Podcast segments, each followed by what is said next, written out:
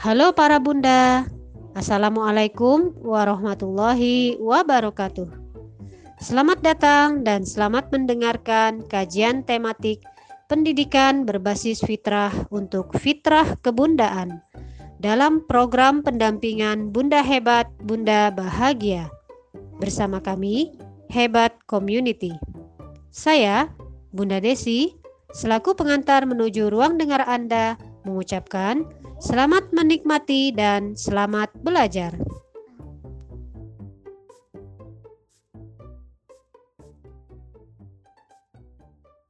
punya keyakinan yang sama bahwa mendidik anak itu tidak bisa sendirian ya.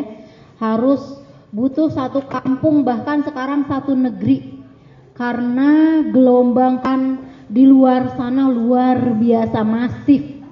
Bukan lagi pergerakan personal tapi memang organisasi. Jadi kita melawan frontal mungkin tidak bisa. Tapi kita mari melawan itu dengan melakukan gelombang kebaikan yang luar biasa yang lebih kuat lagi. Nah ini salah satu bukti nyatanya. Kita melakukan gelombang kebaikan dan dari keluarga kita ya dari dalam. Karena apa yang ada di dalam itu adalah kekuatan yang luar biasa gitu dan ini luar biasa karena juga Pak Sutri ya pasangan suami istri atau ada yang hadir uh, single? Semuanya suami istri ya Pak Lakso ya?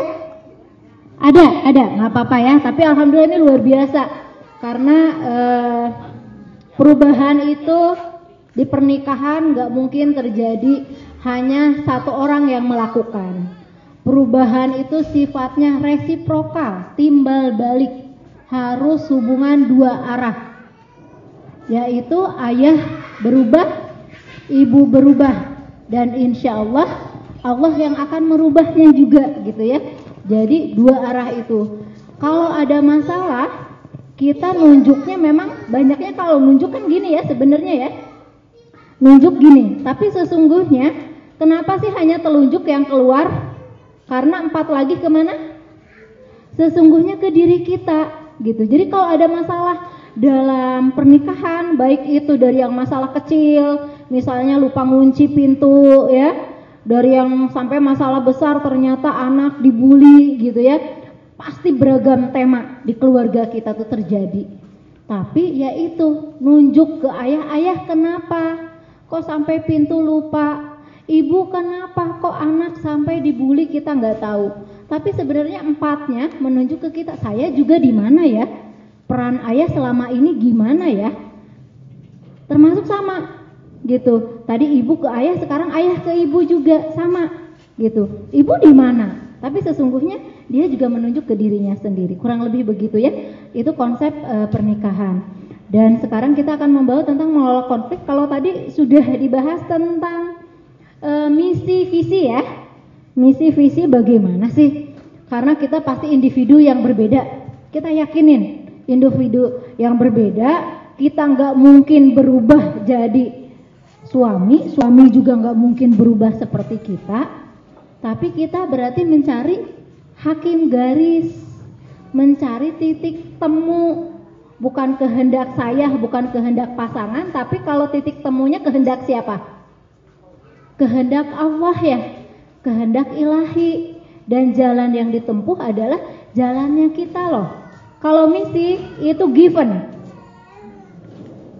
diberikan oleh ilahi Robi, yaitu kita beribadah satu, kedua kita menjadi khalifah. Tapi kalau bicara tentang cara, itu bicara tentang urusan kita. Kalau bicara tentang misi, menentukan apa sih misi kita, itu nanyanya ke kitabullah. Berdialog dengan Allah di tiga, di satu per tiga, terakhir malam berdialog ketika 34 kali Robi apa? Robi Firli, Warhamni, Wazburni, Warzukni, Wahdini. Wahdini itu kan mencari jalan lurus, tunjukkan ya Allah, tunjukkan termasuk ihdina syiratal mustaqim di Al-Fatihah. Berarti tiga kali loh kita minta petunjuk. Nah, misi itu kita harus tanya ke pemilik langit. Tapi begitu bicara tentang cara untuk mengelola pernikahan yang sakinah mawadah warohmah seperti apa? Nah, kalau cara itu urusan kita. Gitu. Urusan kita dengan pasangan. Nah, kita akan bahas salah satunya setelah tadi merumuskan misi dan visi yang terus kita berdialog ke Allah gitu ya. Karena misi visi itu bisa direvisi. Enggak sekali jadi kita tiba-tiba cereng gitu ya. Dari ini tuh kita jadi cerah sekali gitu ya menentukan visi misi. Tapi dia proses dialog terus kita dengan Allah. Meminta terus dengan berbagi doa. Nah kalau bicara tentang cara ini wilayah kita. Kita bisa berdiskusi kita bisa berkreasi dengan pasangan kita masing-masing gitu ya Pak. Dandi ya salah satunya mengelola konflik dalam pernikahan di era digital. Sebelum ke tema ini Kang Dandi ya. Boleh nanti Kang Dandi eh, kita dulu main-main dulu ya Pak Dandi, tapi memang terkait dengan topik ini, makanya kertasnya dibagi satu-satu. Udah dapat semua belum? Yang belum kebagian, mangga Teh Osi, Akang, luar biasa ya, jazakumullah khairan ya, minggu-minggu belajar. Ini couple time di sini, masya Allah luar biasa ya.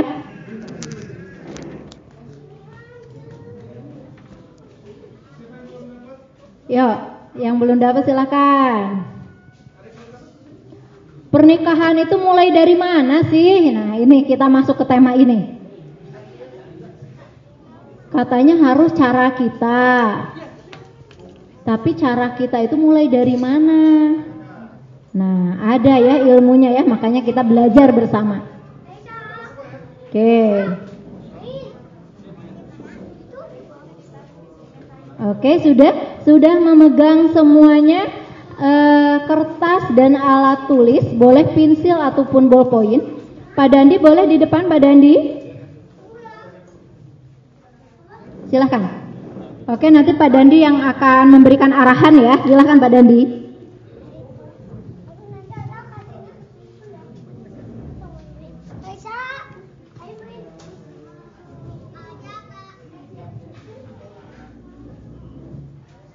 Oke, Assalamualaikum warahmatullahi wabarakatuh. Apa kabar bapak-bapak ibu-ibu? Waduh. Oh, hafal banget. Kasih aplaus dong. Luar biasa, luar biasa. Ini walaupun cuaca sudah mulai mendukung ya, mendukung untuk keriap-keriap, tapi tetap semangat ya. Apalagi sudah makan siang ya. Oke, nah ini saya ada sedikit sebetulnya kalau dibilang permainan nggak juga ya, tapi ya kita have fun aja lah ya, gitu. Nah, tadi kan ke bapak-bapak itu sudah dibagikan satu lembar kertas ya. Nah, silakan dikeluarkan alat tulisnya. Pegang alat tulisnya di sebelah kanan dengan tangan kanan.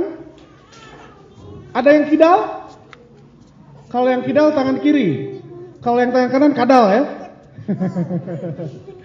eh silakan. Tangan kanan dengan alat tulis, tangan kiri adalah kertas kosong yang tadi dibagikan. Pegang ke atas tangan kiri untuk si kertas kosongnya. Nah, mau ngapain sih kita? Pertama adalah silahkan ditempelkan kertasnya ke muka Anda. Tempelin ke mukanya. Sehingga seluruh mukanya ketutupan.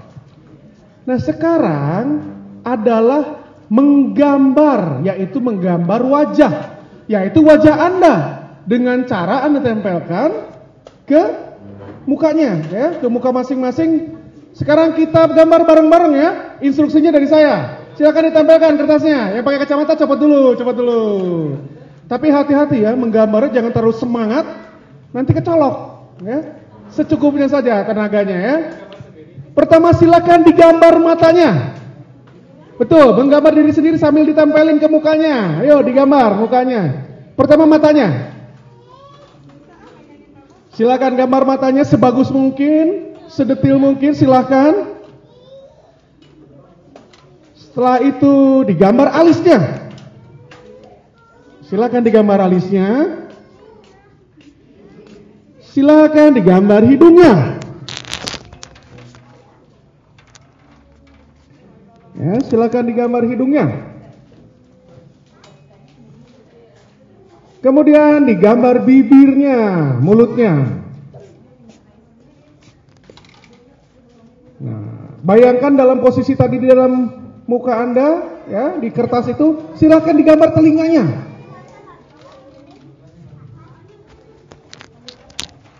Ya. Untuk bapak-bapak silahkan digambar rambutnya. Untuk yang ibu-ibu menggambar rambut monggo atau mau menggambar dengan uh, jilbab pun nggak masalah, silahkan.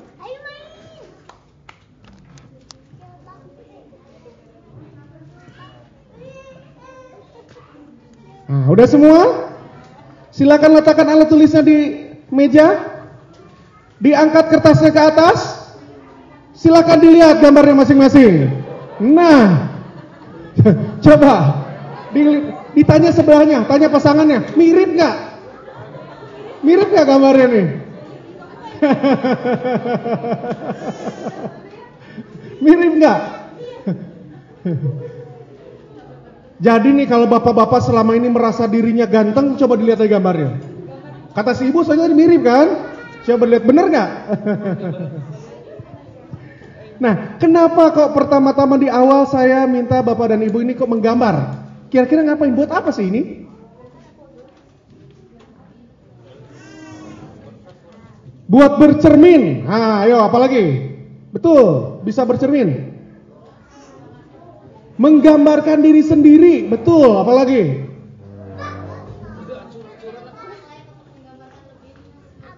Gimana? Kadang-kadang kita butuh orang lain gitu ya, untuk menggambarkan diri sendiri. Nah, betul juga, apalagi? Karena kadang kita juga nggak tahu diri sendiri, gitu. Betul juga, betul. Ada lagi? ini, kayaknya curhat nih kalau dicurcol nih kayak ini. Karena kita tidak sebaik apa yang kita sangka ternyata. Kepedean jadi apa ya ternyata ya. Gak apa-apa. Ada lagi? Ada lagi? Oh jadi mikir ini kayaknya jangan-jangan kayak ujian nih kayaknya. Enggak apa Bu, ini bukan ujian, santai saja. Tapi betul bahwa dengan media yang kita lakukan ini, tugas utamanya apa sih dari sini? Kenalilah diri Anda. Kenali diri kita sendiri. Jangan-jangan yang selama ini kita merasa bahwa kita mengetahui diri kita kayak apa, pas dilihat bercermin loh kok beda. Atau dapat inputan dari orang lain, loh kok berbeda. Gitu ya. Maka kenalilah diri kita sendiri. Bagaimana cara mengenalinya diri sendiri? Ada satu metode yang cukup gampang sebetulnya. Dari gambar kertas tadi, silakan dibalikan sehingga Anda menghadapi satu lembar kertas yang kosong. Ya. Silakan Anda membuat empat kuadran. Membuat empat kuadran itu dibagi empat. Kertasnya dibagi empat ya. Dibikin menjadi empat kuadran. Ya. Kuadran yang pertama adalah yang paling kiri bawah di pojokan kiri bawah. Ya. Itu isinya adalah ya saya tahu orang lain tahu. Tulis dulu di situ. Saya tahu orang lain tahu. Ya. Di pojok kiri atas saya tahu kiri atas ya. Saya tahu orang lain nggak tahu. Ya. Kemudian yang kanan bawah di situ dituliskan saya tidak tahu, orang lain tahu. Kemudian paling kanan atas ya, pojokannya saya tidak tahu dan orang lain juga tidak tahu. Nah, sekarang saya akan kasih tugas kepada Bapak-bapak Ibu untuk menulis dulu. Tuliskan di situ. Di pojok kiri bawah, saya tahu, orang lain tahu. Dalam hubungannya dengan karakter, dalam hubungannya dengan sikap, ya, dengan sifat. Kira-kira apa yang bisa dituliskan di situ tentang Bapak dan Ibu masing-masing ya? Saya tahu, orang lain tahu. Tuliskan di situ, silahkan. Oh, saya tahu saya tuh orangnya begini. Dan orang-orang juga tahu kalau kalau saya itu orangnya begitu. Jadi itu adalah kuadran terbuka. Nah, orang lain di sini kita spesifikkan aja ya, pasangan. Ya, kita langsung spesifik aja di sini. Biasanya kita secara umum sekarang kita pasangannya deh. Saya tahu, pasangan tahu. Saya ngerasa ganteng, pasangan saya juga tahu saya ganteng, gitu misalnya ya. Jangan-jangan kan kalau ternyata saya ganteng tapi nggak banyak orang yang tahu gitu kan. Terutama pasangan nggak tahu dia. Nah, jangan sampai, gitu ya. Silakan diisi. Saya tahu, pasangan tahu. Jadi orang lainnya diganti dengan pasangan ya. Silakan. Uh, jangan terlalu keras Pak berpikirnya Pak, tenang Pak. Nyantek. Berpikir keras nih apa nih katanya nih.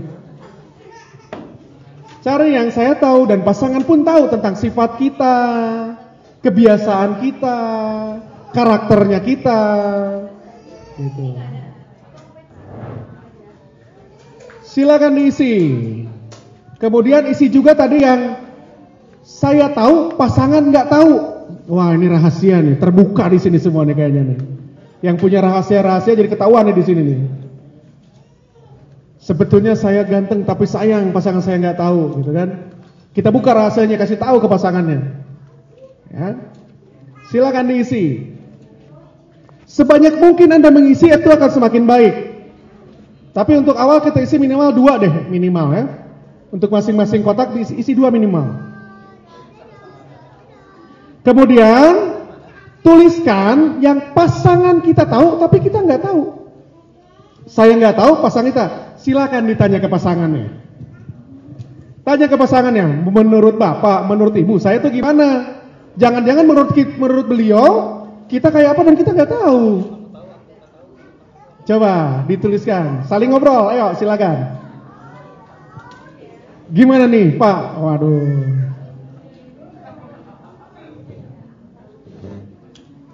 Jangan sampai kayak ini punya punya keyakinan, keyakinan yang berbeda. Yang satu yakin mau, yang yang satunya yakin nggak mau gitu ya. Jadi keyakinannya berbeda. Ayo silakan diisi. Minimal dua.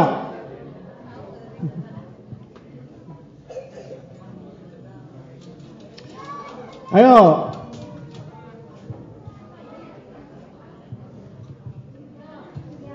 Ayo silakan, ini lagi ngobrol nih. Jadi Budia, sekarang kita bandingkan antara pengetahuan yang bersangkutan dengan pasangannya. Jadi yang saya tahu, pasangan kita tahu, silakan diisi minimal dua untuk sementara ini. Kemudian yang saya tahu dan ternyata pasangan yang nggak tahu, jangan-jangan ada rahasia di antara kita. Nah, silakan itu dituliskan di situ. Ada juga yang saya nggak tahu, ternyata pasangan saya tahu. Silakan dikasih tahu, ya, masing-masing pasangan dikasih tahu. Jangan-jangan nih, ibu teh suka kekeh, cek si bapak ngasih tahu, cek si enggak, ah, ibu nggak tahu, jangan-jangan, nggak ngerasa soalnya gitu kan, bisa jadi. Nah, kemudian ada yang keempat ya. Yang keempat itu saya tidak tahu dan pasangan pun nggak tahu. Nah, ini visinya apa dong? Saya nggak tahu, dia nggak tahu. Nah, sebetulnya untuk mengetahui ini ada tools yang bisa digunakan. Gitu. Ada toolsnya kasih tahu. Jadi, yang bapak ibu nggak tahu tentang bapak dan ibu tuh ini loh. Gitu. Traksi challenge mapping ada nggak? Nah, challenge mapping itu adalah salah satu cara untuk mengetahui tentang kita. Salah satunya, nggak cuma satu-satunya ya, ada banyak toolsnya. Ayo silakan diisi. Yang sudah lengkap, tolong angkat tangan yang sudah lengkap. Ya, ini kita kan pasangan semua ya. Di sini kita jujur-jujuran ya. Jangan jaim dengan pasangan. Ya, kita jujur-jujuran, monggo, silakan.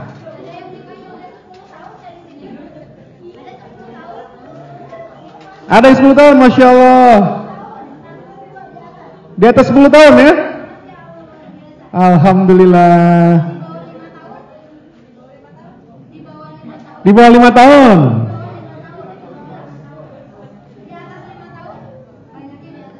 Oke, selangnya antara 5 dengan 10 tahun ya yang paling banyak. Oke, silakan. Betul. 5 tahun pertama dengan 5 tahun kedua dengan 5 tahun ketiga itu tantangannya beda-beda. Saya bilangnya tantangannya ya. ya. biar semangat untuk memperbaiki. Bukan ancamannya. Kalau ancamannya kita jadi takut. Ini tidak terancam, justru kita tertantang. Yuk mari kita benerin. Gitu. Nah, saya tahu deh kayaknya ayah nggak tahu. Had siapa? Ayo silakan diisi.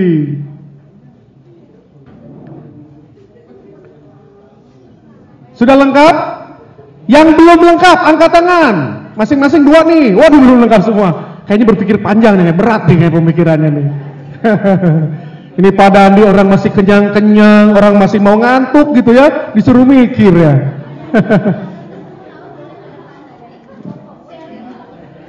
Oke, tolong angkat tangan pasangan yang sudah menikah di atas 10 tahun.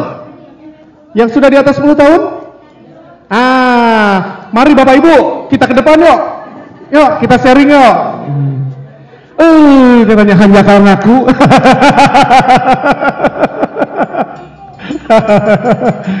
Mari Pak Bu, silakan. Kasih aplaus dong. Dua-duanya nggak apa-apa. Ini mau diapain Ibu dia? Jangan disuruh joget ya enggak kita enggak. Ini. Ah, kita lihat hasilnya. Kita bahas di sini bukan untuk apa-apa ya, tapi biar biar menjadi bayangan buat teman-teman yang lain yang masih dalam proses menuju 10 tahun. Nah, Pak, ini berdua nih, Bapak dan Ibu, apa yang saling dua-duanya ketahui dari sisi Bapak deh duluan? Yang Bapak tahu, Ibunya tahu. Nanti kita konfirmasi dengan Ibu, bener nggak Ibu tahu? Uh, yang saya tahu diri saya dan istri saya tahu, saya orangnya penyabar. Penyabar. Kita cek Bu, betul Bu? Oke, aplaus dulu dong. Kedua silakan Pak. Uh, biasa saya suka ini uh, membantu orang lain, senang. Helpful gitu. Ya. Benar Bu. Asal, asal balik jangan buatin istri orang lain ya Pak ya. Udah dua. Oke, sekarang tentang Ibu. Nah, sekarang Ibu gimana? Yang Ibu tahu dan Bapak juga tahu. Saya orangnya disiplin. Disiplin. Ya. Terus yang kedua, saya kurang bisa mengontrol emosi. Makanya saya Disiplin betul. Kurang kontrol emosi betul. Berarti Bapak sering dimarahin dong ya? Aduh. Sabar untungnya ya. Nah, di situ gunanya ternyata yang satu suka marah, katanya kurang kurang bisa mengontrol emosi. Tapi ternyata tuh untungnya sebelahnya sabar. Jadi kalem gitu ya. Oke, lagi Bu, silakan Bu. Terus apa ya? Yang ketiganya, saya orangnya lebih terencana. Lebih terencana. Ya. Dan justru sebaliknya, Oh, ini kebalikannya gitu ya. Iya. Oh, belum nanti itu Oh, ya, yang belum ya, yang belum ya. Ibu tahu, Bapak nggak tahu. Iya. eh, saya juga sama senang berbagi sama orang lain. Gitu. Oke, sip, kasih aplaus. Itu baru satu tuh ya, yang saya tahu dan pasangan kita tahu. Nah sekarang yang kedua dari ibu dulu deh. Apa yang ibu tahu tentang ibu, tapi bapak nggak tahu. Nah ini rahasianya ibu pak. Ya? Biar bapak tahu rahasia terdalam. Silakan bu. Saya orangnya nggak suka tampil. Nggak suka tampil, oh bukan banci tampil dari ibu Oh, ya? bukan. Bener nggak pak? Betul. Jadi kalau masuk ke lingkungan kurang berani tampil gitu ya? Ya, lebih enak seba- eh, apa sebagai yang bantu-bantu di belakang deh belakang layar. Oh, dia di belakang layar gitu ya. Bener Pak, seperti itu Pak. Kan saya nggak tahu. Oke, nah sekarang kasih tahu Bu. Pak, kasih tahu dong, kasih tahu Bu. Ya Pak, sebetulnya saya itu memang gak suka tampil. Makanya kalau misalnya ada event atau apa, saya senangnya lebih untuk merencanakan sesuatu. Kalau misalnya untuk tampil di depan, eh, sepertinya saya kurang apa ya? Bukan kurang pede, tapi memang nggak bakat. Dan ternyata setelah ditanya itu memang nggak ada bakatnya. Tuh. Signifikan berapa Bu? Oh, signifikannya terendah Pak. Saya nomor satu Bu. Oh, gitu. Saya banci tampil. nah, jadi kan jadi tahu tuh Bapak apa yang sebetulnya Ibu rasakan dan sifatnya Ibu gitu sehingga nggak usah dipaksa-paksa sama Bapak ayo ikut ikut ikutan dong ayo tampil. Nah, kalau udah jadi dipaksa itu yang malah potensial membuat konflik gitu. Nah, sekarang Bapak dari sisi Bapak gimana Pak? Yang Bapak tahu Ibu nggak tahu. Mungkin selain saya penyabar, sebenarnya ada ada sifat pemarah juga. Beliau nggak tahu, tapi saya tidak mengungkapkan gitu. Nah, Bapak, Ibu tahu kalau Bapak sebenarnya pemarah?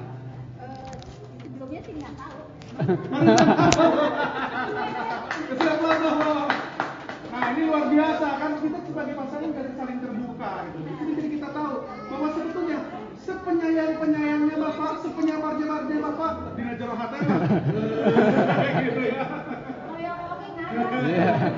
Artinya kita kan manusia, manusia punya rasa, manusia punya emosi, itu adalah hal yang biasa.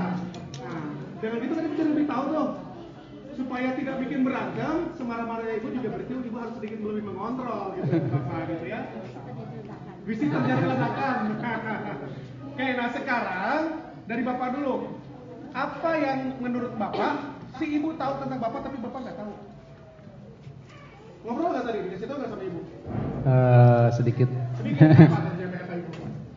Sepertinya saya tidak menyadari saya punya potensi. Apa potensinya? Potensinya apa? Saya nggak tahu. Jadi gini, Hmm, Silakan Bu. Nah, karena ibu yang ngasih tahu nih. Jadi bapaknya sebenarnya bapak gini loh. Nah, ya silakan. jadi sebetulnya karena eh, keluarga suami itu punya pesantren. Nah, eh, mau ataupun tidak, jadi suami itu memang eh, kalau kerajaan mah nanti jadi putra mahkota mungkin gitu ya, Ah, penerus.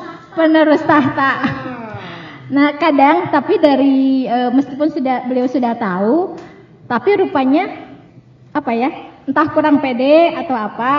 eh, makanya kemarin sempat setelah kemarin per- pertemuan PBBH itu saya sempat ngobrol sama suami, Pak sepertinya perlu konsul deh sama Budia sama Pak Dandi. ya, ya jadi itu mungkin eh, entah beliau memang tidak eh, tahu atau memang belum tak ya ya sebetulnya beliau itu mampu tapi kadang ada rasa tidak pede dalam dirinya mungkin seperti itu Pak. Jadi bapaknya berpotensi. Bapaknya biasa kok. Tinggal, ayo Pak, langsung berani gitu ya. Ah, ya begitu. Eh, bapaknya. Nah sekarang ibu, menurut bapak kayak apa tadi? Yang ibu mungkin nggak tahu ditulisin apa tuh bu dia? Ini saya belum Belum, belum menemukan. belum menemukan Nah, kalau yang tadi terus, yang orang lain tahu, eh, oh, bapak nggak tahu, ibu juga nggak tahu, itu bisa dengan TM ketahuan tuh ya. Gitu. Iya, iya. Tapi kita bisa kosongkan dulu lah itu ya. Oke, mangga silakan Pak Bu, hatur nuhun, hatur nuhun. Kasih aplaus dong buat bapak dan ibunya. Nah, gini ya bapak dan ibu, ini yang sudah lebih dari 10 tahun aja ternyata ada hal-hal yang nggak tahu loh. Gimana kita yang baru kemarin gitu kan? Kayak saya kan baru kemarin nikahnya. Tapi nah atas tilunya. 16 tahun kemarin saya menikah dengan dia. Nah, sekarang saya beri waktu 5 menit untuk Bapak dan Ibu saling berdiskusi. Silakan berdialog lagi. Jangan-jangan ada yang selain dari yang dituliskan di situ gitu ya, yang saya tahu tentang saya, Ibu dengan mah nggak saling memberitahu, saling memfeedback dan saling bertanya. Ya, silakan.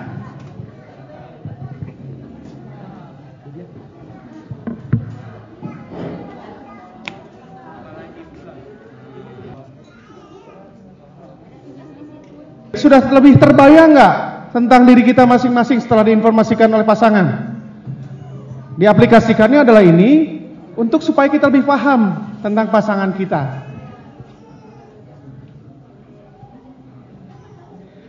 Sudah ya? Oke, kalau sudah kita akan lanjut ke materi kita. Mengelola konflik di dalam pernikahan di era zaman sekarang gitu ya. Karena kan salah satunya itu kita harus sesuai dengan zamannya. Sekarang udah zaman now ya.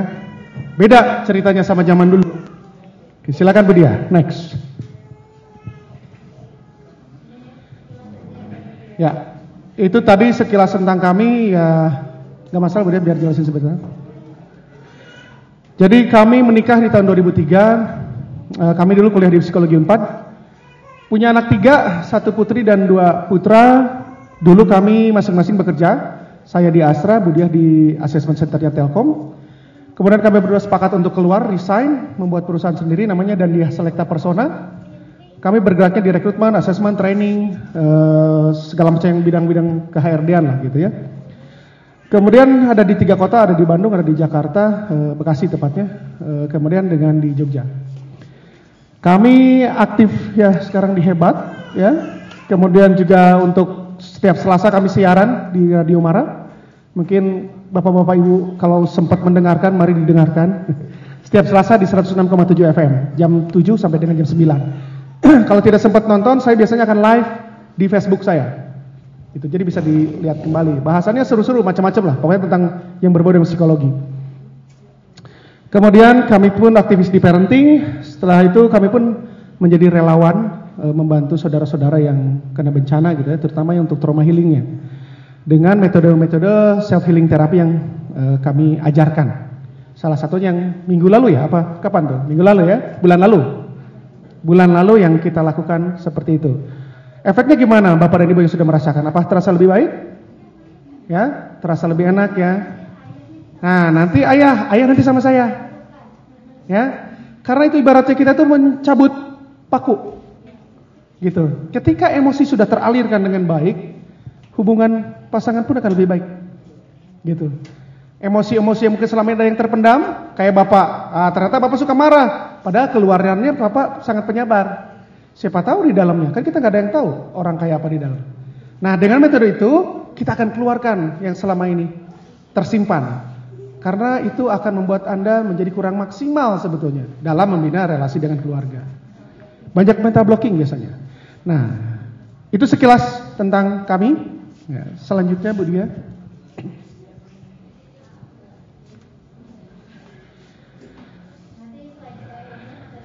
Nanti kami bagikan ya. Mencari ilmu itulah belajar. Menikah tidak hanya bermodal cinta, namun juga membutuhkan kecukupan ilmu. Jadi kata nikah ya udah yang penting mah cinta, hayu gitu ya. Ternyata cinta doang nggak cukup ya. Kata cinta ya.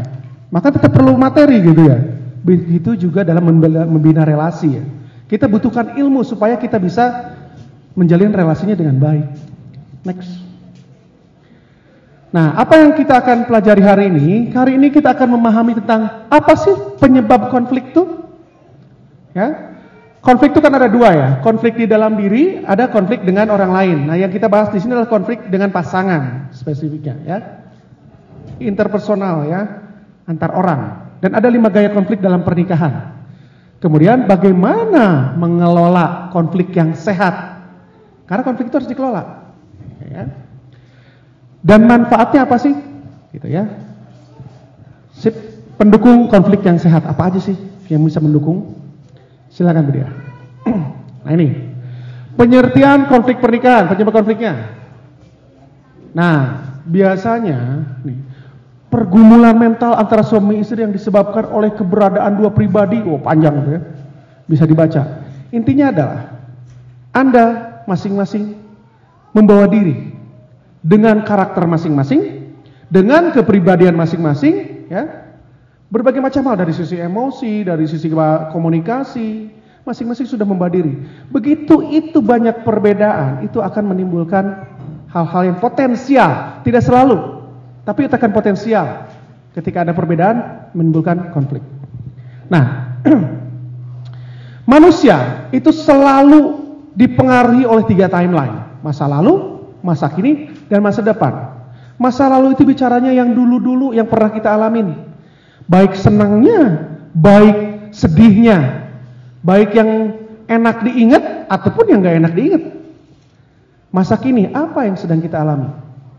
Masa depan, harapan-harapan, keinginan, kecemasan, kekhawatiran kita ke masa depan. Itu pun akan berpengaruh gitu ya. Nah, sekarang di Indonesia kalau orang nikah kayak apa sih? Apakah cuma datang cewek, cowok, laki-laki, perempuan langsung gitu nikah depan penghulu jadi gitu ya nikah? Bawa diri doang. Orang Indonesia enggak. Kalau boleh mungkin. Enggak perlu orang tuanya tahu ya udah nikah kita pergi di Las Vegas misalnya mereka nggak perlu kan? Tapi orang kita nikah tuh nggak cuma berdua, tapi menyatukan dua buah keluarga besar. Saya bawa keluarga besar saya. Budia juga punya. Begitu kita menggabungkan berdua, nggak cuma saya dan Budia doang yang harus di manage. Keluarga besar pun kan ikut ambil. Itulah di Indonesia. Uniknya itu. Ya. Sehingga masing-masing mempengaruhi gaya kepribadiannya kita. Dengan pola asuh keluarga kita kan jadi punya kepribadian sendiri. Ya, dan banyak dan tidak sedikit keluarga keluarga besar yang ikut aktif gitu ngerecokin, ngepoin Ya, turut campur. Banyak yang seperti itu. Dan ternyata itu pun adalah salah satu sumber konflik. Banyak yang datang ke kami adalah seperti itu. Padahal nih liur, ya mertua saya, sudah udah gitu. Ya, macam-macam. Ada yang malah ceesan banget sama mertuanya. Tapi dia malah berantem sama orang tuanya sendiri. Ada. Gitu ya, macam-macam. Jadi intinya bahwa itu semua siapa sih? Tengah-tengahnya ada keluarga pasangan, keluarga kita. Ya kita kan tengahnya. Sehingga kita yang harus tampil dengan baik memanage supaya itu tidak menimbulkan konflik. Kuncinya di mana? Salah satunya adalah di komunikasi. Baik komunikasi Anda dengan pasangan maupun dengan keluarga. Sekarang ini, pasangan gak suka sama saya. Mertua saya gak suka sama saya. Ngomongnya lewat mana? Agennya kan penengahnya dia. Begitu keluarga saya nggak suka sama Bu dia, penengahnya siapa? Ya saya. Jadi Anda menjadi duta untuk pasangan Anda masing-masing. Juga untuk keluarganya masing-masing. Gitu. Duta besar gitu kan dari Indonesia untuk negara lain. Dia kan yang pertama menjembatani. Nah, begitu juga kalau pernikahan. Gitu. Anda adalah duta besar untuk keluarga besar masing-masing. Next Bu dia. Apa alasan menikah dan menikahinya? Sebetulnya dulu kenapa sih? Ah, ibu, kenapa dulu menikahi si bapak? Bapaknya ke mana bu? Ada tadi lagi ngasuh. bu, mumpung nggak ada bu, ayo kita omongin. Aduh, enggak ya, jangan bercanda. Gimana bu? Bisa di-sharingkan?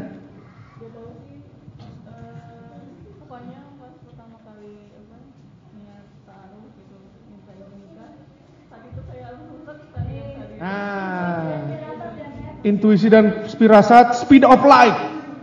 Ya, karena bicara hati itu lebih cepat daripada logika. Begitu hati seret, logika bisa diengkekin. Gitu. Logika udah pengen berpikir ini tapi hati nggak ngasih, nggak bisa belum tentu dilakukan. Secara logika kan kita bahasa CV ini, secara logika wah bagus nih. Tapi hati nggak seret, nggak bisa juga. Gitu ya. Hmm. Nah, jadi pertama-tama yuk mari ditar kita nih. Luruskan niat. Ya, mengokohkan niat. Jadi nikah buat apa? Dulu kita juga bingung ya awal-awalnya. Ya nikah biar kita mencapai mimpi bersama gitu dulu tuh. Walaupun ternyata tadi ketika visi misi itu kan menyusun apa yang ingin kita dan bagaimana caranya gitu kan. Dan ternyata apa yang ingin dicapai pun sepanjang perjalanan mengalami revisi-revisi. Kami banyak mengalami revisi-revisi. Tapi kalau revisinya lebih baik kenapa enggak? Gitu. Boleh-boleh aja. Jadi jangan juga terlalu kaku. Tapi kan awal itu kita begini gitu. Dulu sama Budiah cita-citanya sangat receh gitu. kalau menurut saya sekarang gitu jadi. Karena cita-citanya cuma gini doang Bu. Pengen jadi orang kaya supaya nggak nyusahin orang, supaya bisa bantuin orang gitu. Sekarang mah jadi gitu, gitu ya. Kalau dulu mah cuma pengen jadi orang kaya aja, supaya kalau pengen beli apa pun bisa. Karena dulu kami nggak bisa pengen apa-apa gitu. Sehingga kami pengen jadi kaya gitu. Sehingga kami mencari berbagai macam kegiatan untuk itu. Sebagai pasangan tuh. Tapi sepanjang jalan tuh, iya sih duit bisa dicari ya. Udah dapat duitnya terus diapain ini duit? Kalau tidak membawa manfaat, ternyata nggak berasa tuh ke hati. Jadi yang diinginkan nyantai mah tenang, nikmat hati. Gitu. Ngalamin dari mulai saya pengen ini, pengen itu, nggak bisa tuh tiba-tiba jadi bisa, segala macam dibeli. Udah segala macam dibeli, tetapnya nggak puas-puas. Ternyata duit tidak membuat puas. Dari teori psikologi pun bilangnya gitu. Ada yang namanya Herzberg. Dia bilang bahwa ada faktor hygiene dan faktor motivator. Uang adalah faktor hygiene. Faktor yang kalau didapatkan tidak akan pernah membuat orang puas. Dia hanya akan bisa mencegah dari ketidakpuasan. Jadi Sir Artos teh cuma ngebikin kita tidak tidak puas, bukan puas. Jadi nggak ngomel gitu, nggak ngeluh karena ada kebetulan gitu udah. Tapi akan puas itu.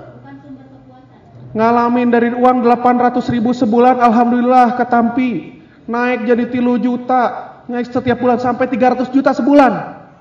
Ternyata nggak ngaruh. Pengen beli mobil, beli, ya udah minggu bulan depan juga dapat lagi gitu ya. Ternyata teh apa ya? Hatinya kosong.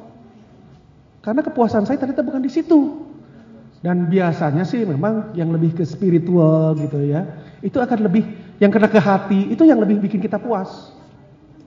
Kalau istilahnya kita pengen berguna untuk orang lain. Gitu. Duit banyak tapi nggak guna buat apa? Duit banyak pakai buat bantu orang. Karena uang bukan tujuan utama. Uang adalah tools yang akan membantu kita mencapai maunya kita. Gitu. Jadi jangan dijadikan tujuan utama. Itu ya, meluruskan niat dan mengokohkan niat. Niat lurus merencanakan upaya nyata dan merawatnya. Jadi usahanya udah jelas. Niatnya udah ada.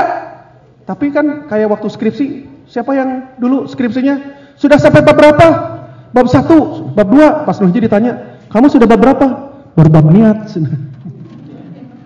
Niat doang, nggak dikerjain-kerjain. Selesai nggak? Enggak. Jadi jangan cuma bab niat, lakukan upaya. Do something untuk mencapai tujuan kita itu. Macam-macam. Yang sedang kita lakukan sekarang di sini itu adalah salah satunya.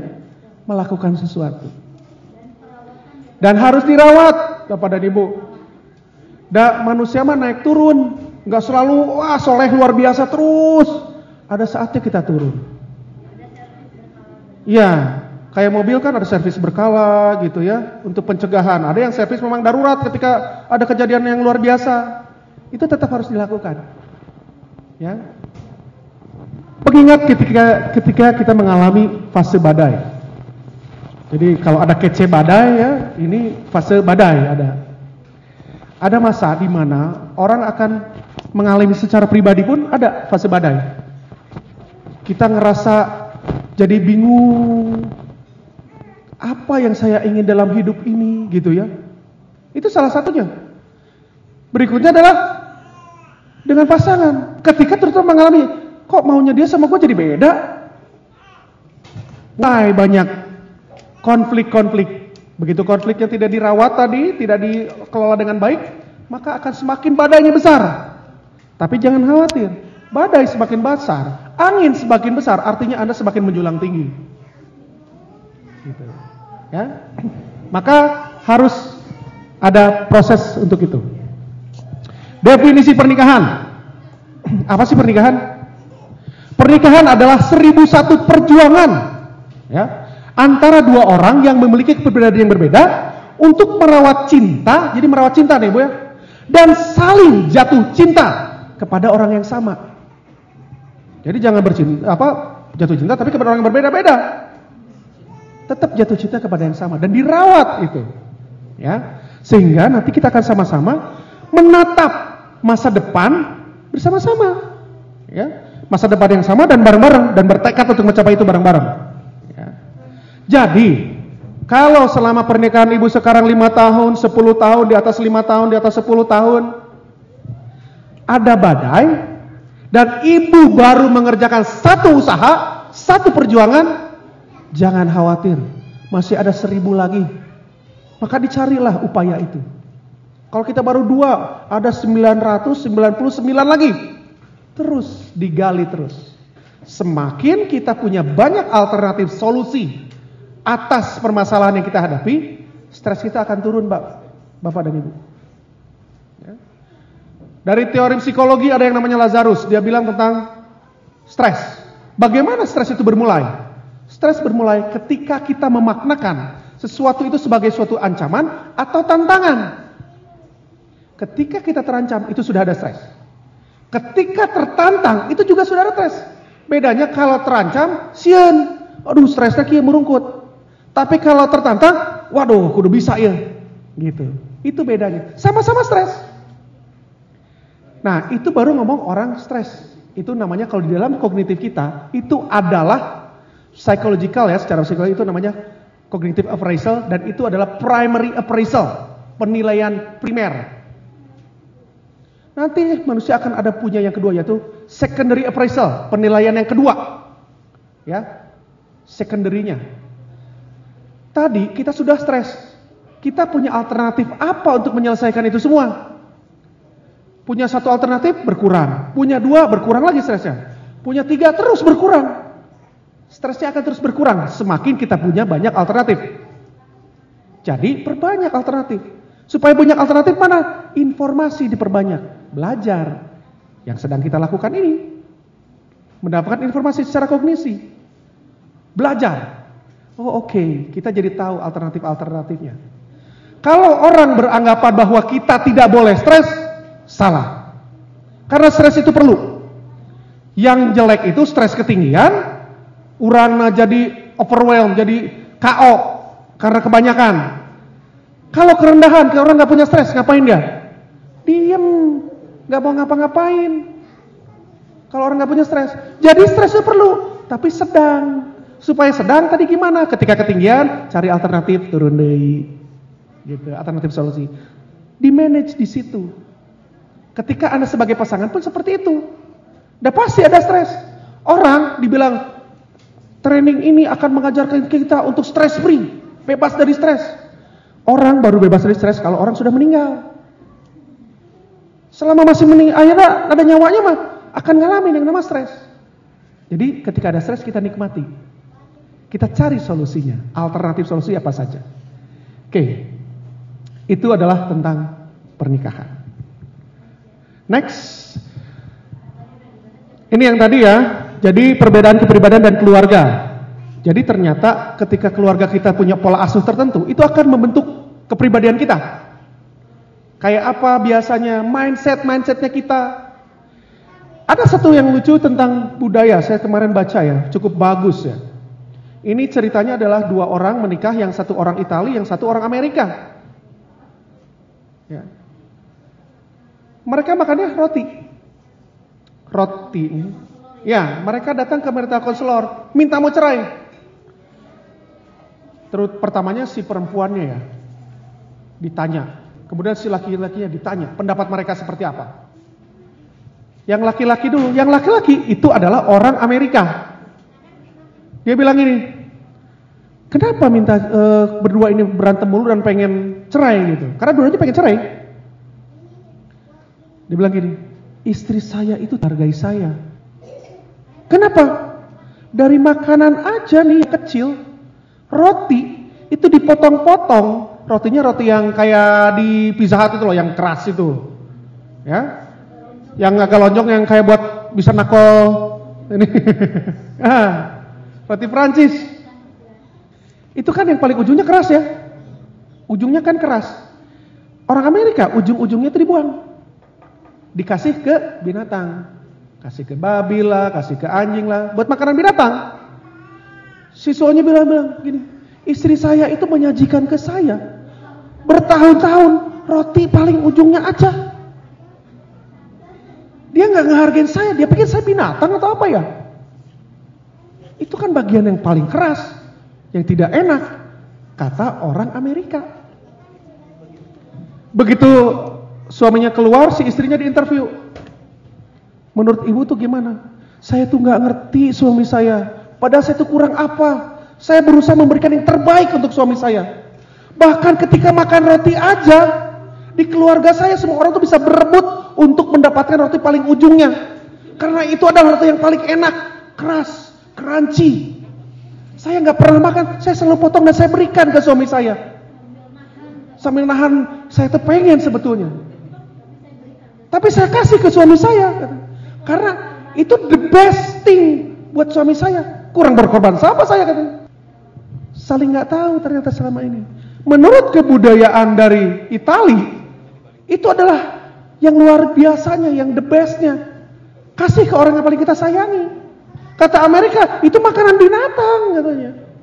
Kan nggak klop tuh nggak ketemu, pantas aja berantem. Gitu. Nah, itu kan kebudayaan. Itu kisah nyata loh. Gitu.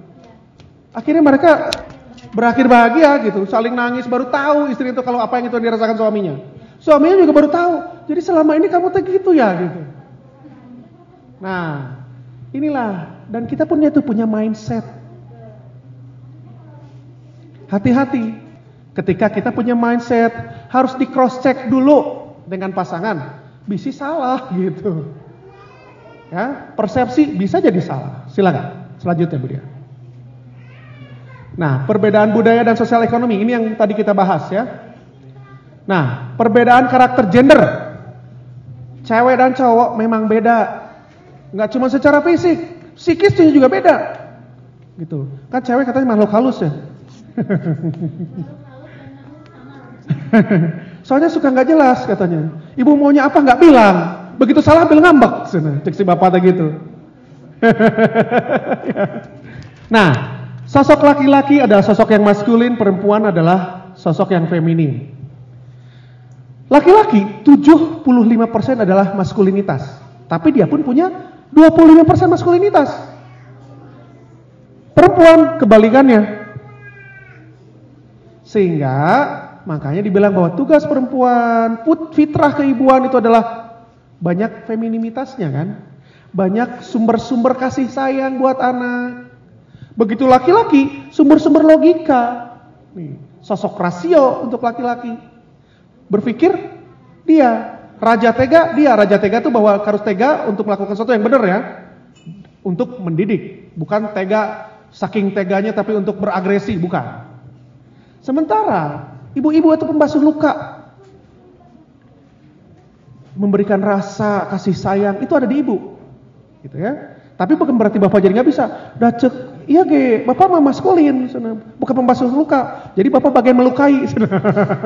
ya enggak dong, nanti kan dibasuh sama ibu katanya. Ya bukan gitu pengertiannya, gitu. Sama-sama masing-masing punya.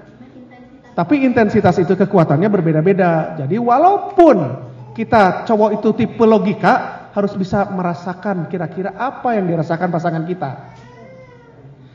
Perempuan juga gitu. Walaupun dia rasa mencoba ketika ngobrol dengan suami dia mah pakai logika, mencoba ngikutin logikanya suami, gitu. Walaupun kan suami tiga kali lipat, ya. Nih, berani dan challenging, progresif. Sosok penantang kebutuhan pride itu dihargai. Kuncinya di laki-laki mah bapak dan ibu ya saya pribadi nih Setuju dengan itu? Pride. Harga diri. Suami dikasih penghargaan, itu dia akan senang. Perlakukan seakan-akan suami kita itu superhero. Yang punya banyak jasa ke kita. Dipuji. Senang banget tuh suami. Siapa yang selama ini gak pernah muji suaminya? Ayo angkat tangan. Laki-laki itu senang untuk dipuji. Kasih dia supaya harga dirinya naik. Gitu.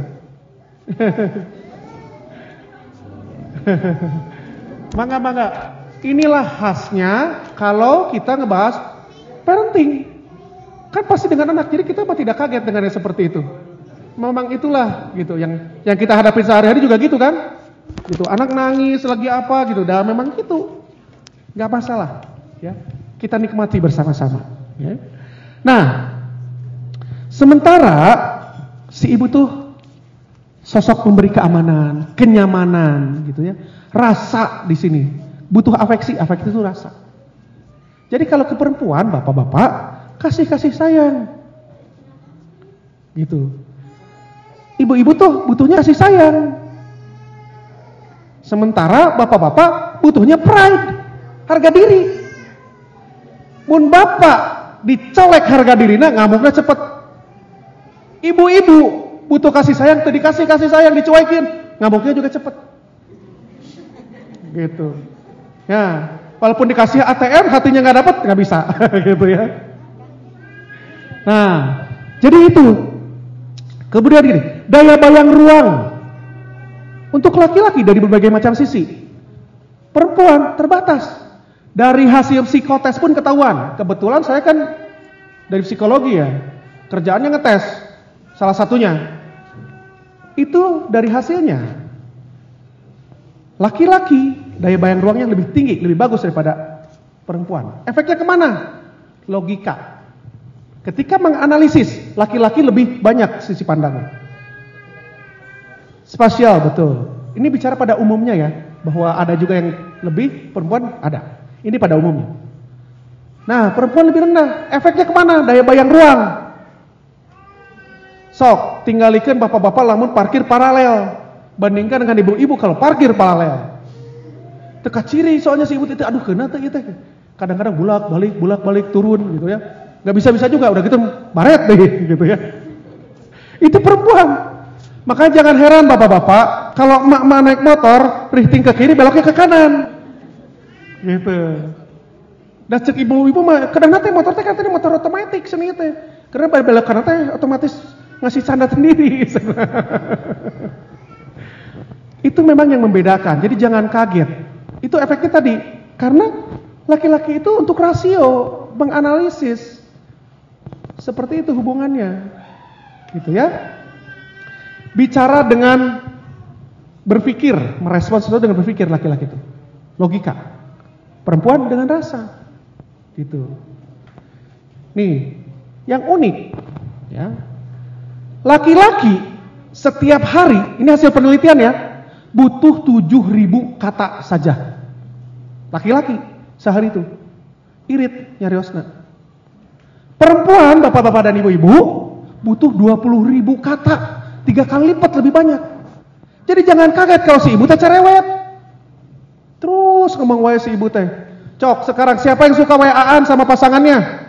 Si ibu tuh udah ngebusa segala macam. Bapaknya nanti ya itu wah segala macam. Bacakan si bapak baca jawabannya bu. Iya, apalagi? Oke, setuju. Enggak gitu-gitu doang kan? Nah, terus pada saya tulis panjang gitu ya. Suaminya cuma secukupnya. Memang itu yang membedakan. Karena suami itu laki-laki, cuma butuh tujuh ribu. Ibu-ibu dua puluh ribu. Gitu. Jadi jangan kaget, ya. Laki-laki single task, perempuan multitask. Laki-laki ngerjain segala sesuatu, si hiji heula. Can beres pakai heula ya kagok. Perempuan nyusuin, nyuci piring, masak. Kadang ini kaki ke sini, kadang gitu, gitu segala macam barengan. Dia bisa mengerjakan segala sesuatu berbarengan. Laki-laki nggak bisa. Bukan tidak bisa uh, keseluruhannya, mostly kebanyakan. Tapi itu bisa dilatih, bisa. Gitu. Kebanyakan seperti itu. Laki-laki dan perempuan itu. Sisi kekuatan, otot aja. Laki-laki kuat ya. Bisa dia kuat. Ngangkat barang berat bisa. Tapi berapa lama laki-laki bisa tahan mengangkat berat? Perempuan ngangkat yang sekaligus berat nggak bisa. Tapi daya tahan perempuan lebih tinggi dari laki-laki. Gitu. Makanya daya tahan menghadapi kekesalan ke si bapak biasanya ibu-ibu lebih tinggi. Jadi mau ibu-ibu terus lepas dari daya tahannya, berarti si bapak terus kurang ajar pisan. gitu. Jadi hati-hati, ya. Nah, kalau kita bicara fitrah, ya, ada hal-hal yang tidak bisa kita pungkiri.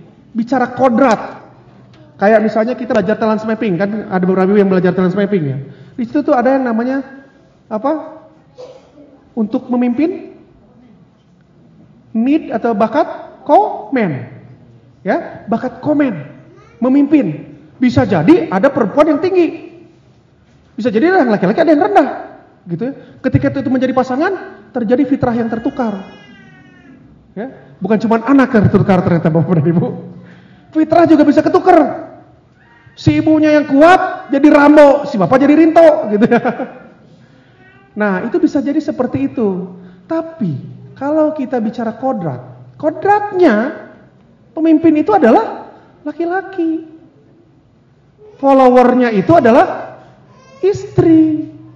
Jadi kita harus laki-laki siap menerima tugas itu, perempuan mau menerima itu bahwa itu adalah memang fitrahnya si bapak untuk menjadi pemimpin, fitrahnya kita mau ikut follow. Dan itu butuh yang namanya legowo. Butuh yang namanya kita ridho. Gitu. Ada ridho saya mah. Ada yang, ya saya ridho menerima kamu sebagai pemimpin saya. Saya ridho menerima kamu jadi pemimpin saya. Sama ngomongnya ridho, tapi artinya beda. Nah jadi berlegowo lah dengan itu. Sesuai dengan fitrahnya. Next. Manfaat ilmu karakter gender, ya, kayak yang tadi. Jadi kan kita bisa paham pasang kita kayak apa.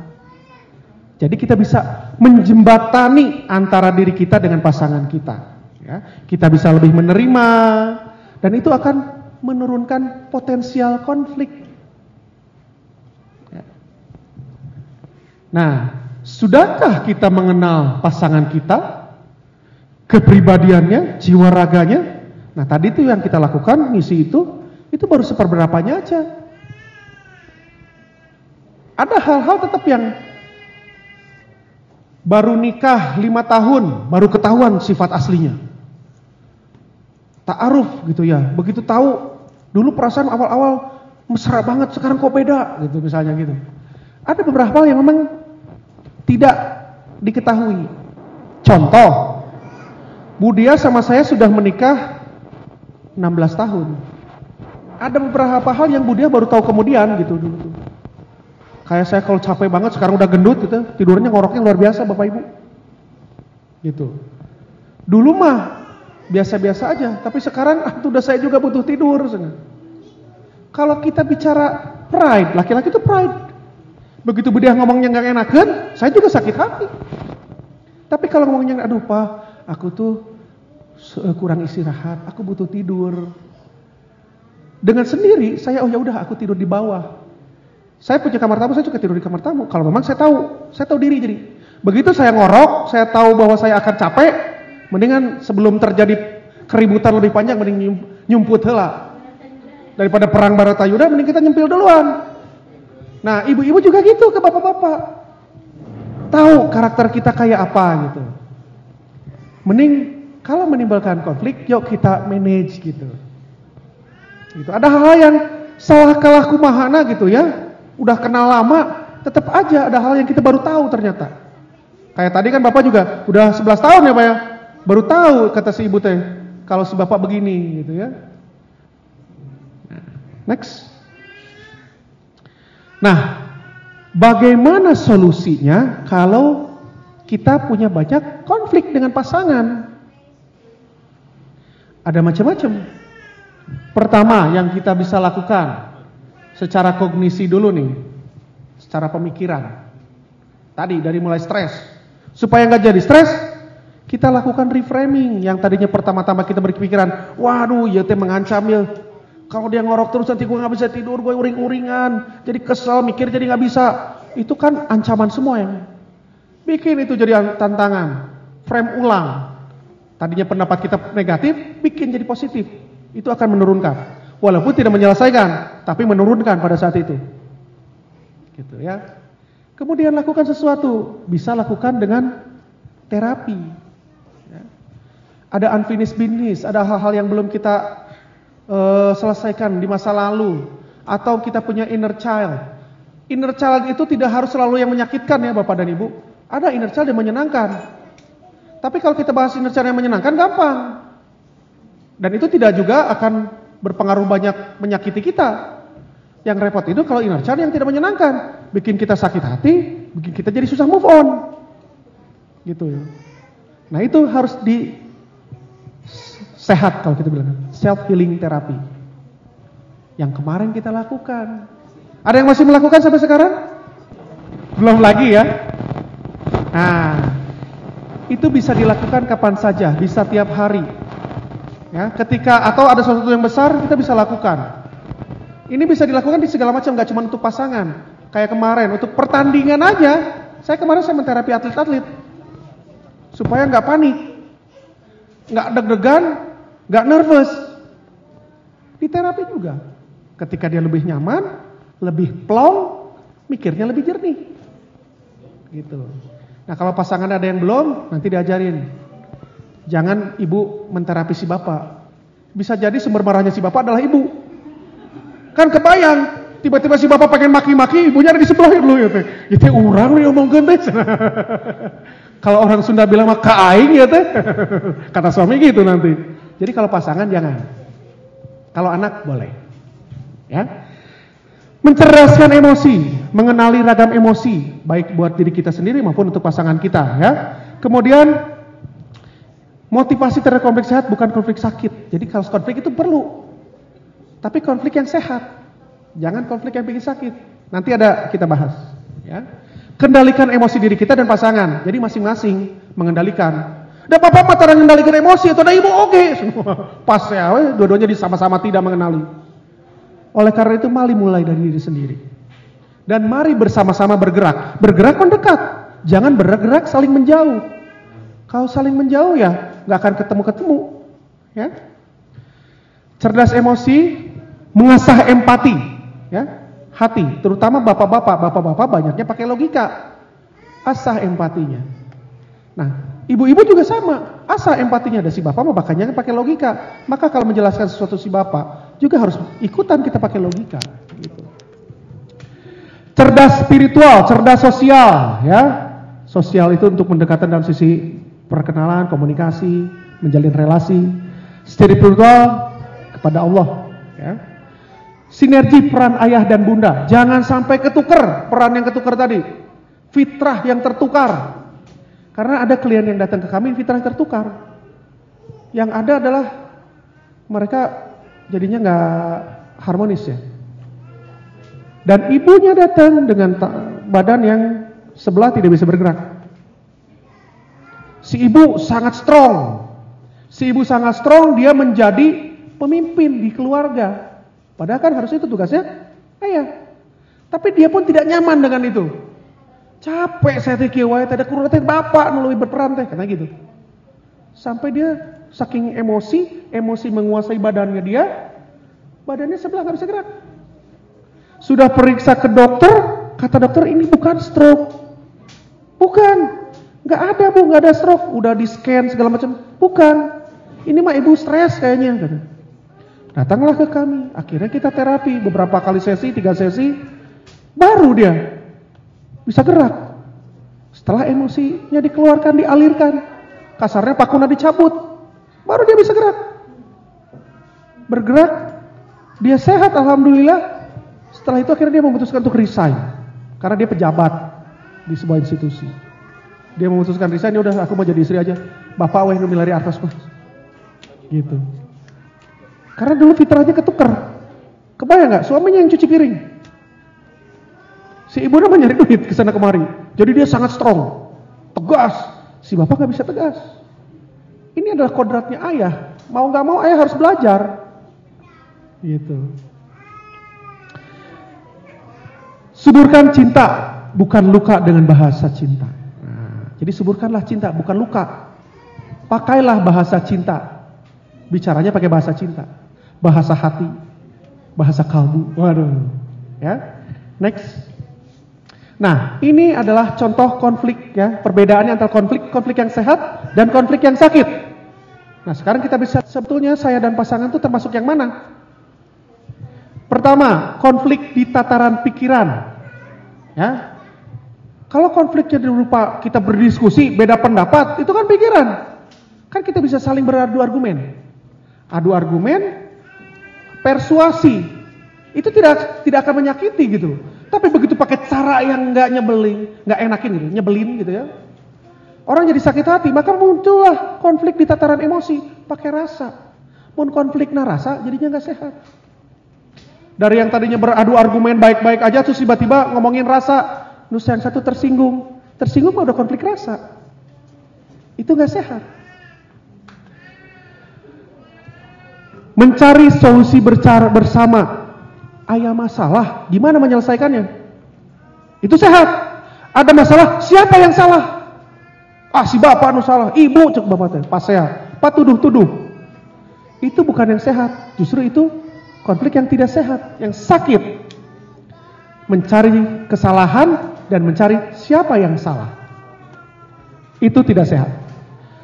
Berfokus ya, kita menemukan pemecahan masalah. Itu sehat. Berfokus pada masa lalu. Jadi dah bahu lagi. Kalau mulai konflik terus ngungkit-ngungkit, nah itu udah mulai rasa sakit tuh konfliknya. Soalnya dulu bapak tuh gini loh, ibu juga dulu gini, itu harus dibahas tapi dengan cara pengaliran rasa gitu karena kalau langsung pasti ribut di pasean gitu mah biasanya kalau kita punya masalah emosi dan tidak selesai di masa lalu dan itu tiba-tiba terjadi lagi di sini akan terungkit lagi diungkit diingat-ingat Nah itu yang harus diselesaikan. Ya, bicaranya nyari-nyari kesalahan, nyari di masa lalu. Yuk, udah jelas lah itu udah kejadian. Sekarang solusinya mau kumaha tuh, gitu. Itu yang sehat. Berfokus pada misi dan tujuan pernikahan. Tadi kan udah belajar ya visi misinya ya, misi visi. Dan karena kita ini sebagai orang, dua orang yang berbeda, ya, di sini kita sudah bukan, bukan lagi bicara tentang kita harus melakukan cara saya, kata si suaminya. Kata si ibu, enggak dong, cara saya lebih bagus. Tidak, di sini mulai sosiosentris, sosial kita sebagai pasangan. Sebagai pasangan itu kita harus cari not my way, not your way, find our way. Jadi bukan cara saya, bukan cara bapak, bukan cara ibu, tapi temukanlah cara kalian berdua, cara kami. Penemukan itu, ya. Kalau yang tidak sehat itu egosentris. Pokoknya bapak tenurut ke ibunya, atau sebaliknya, ibu tenurut ke bapak, itu tidak sehat.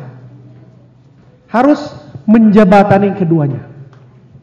Ya. Tidak muncul kekerasan fisik dan psikis, bahkan diakhiri dengan saling memaafkan sehingga bonding semakin kuat, cinta pun semakin kuat, semakin menjadi kuat.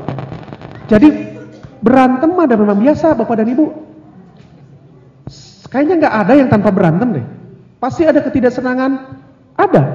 Tapi yang penting ketika kita menemukan itu menjadi alat mempererat kita, itu akan baik. Ketika ada perbedaan dibahas, akhirnya kita menemukan jalan bersama, Anda akan lebih erat, lebih enak bareng-bareng berdua. Gitu. Tapi kalau misalnya ternyata itu ada kekerasan psikis, fisik, verbal, ngambek dicarikan ngomong kasar, nggak terima dong orang. Itu akan apa ya? Jangankan baru kata-kata gitu ya, baru baru di huh, gitu aja juga udah nggak suka kan? Gitu ya. Itu akan memperjauh hubungan kita dengan pasangan ya. Hatinya semakin jauh. Ada soalnya saya baru kemarin dicurhatin juga orang. Saya baru kemarin reunian, terus ibu-ibu berapa orang? Ada lima orang bercerita, eh lu kan dari psikologi, gue mau cerita nih, mesti gimana? Ternyata itu suaminya mengabius, mukul, dan si ibu nggak mau kalah, sama. Ibu-ibu pernah letik, padahal tapi ternyata juga sama. Senangnya mukul juga, jadi cakar-cakaran berdua. Kaget saya juga, gitu amat saya bilang gitu. Iya, katanya. biar dia tahu kalau orang dipukul itu juga bisa balas, katanya gitu. Nah itu kan yang tidak sehat. Jangan sampai kayak gitu. Semua bisa dibicarakan, gitu ya. Asal dua-duanya niat, gitu. Next, Bu Dia. Nah, nanti dikenali Anda termasuk yang mana. Nah, kita survei nih. Kalau semakin kecil angkanya, itu semakin sakit. Semakin besar itu semakin sehat. Coba Bapak dan Ibu diskusi, telaah dengan pasangan masing-masing. Kalau dari sisi konflik, sebetulnya kita termasuk konflik yang sehat atau nggak sehat? Kalau diangkakan, kita di angka berapa? Silakan. 5 menit ya, Bu Dia ya. Ini ciri-cirinya, silakan.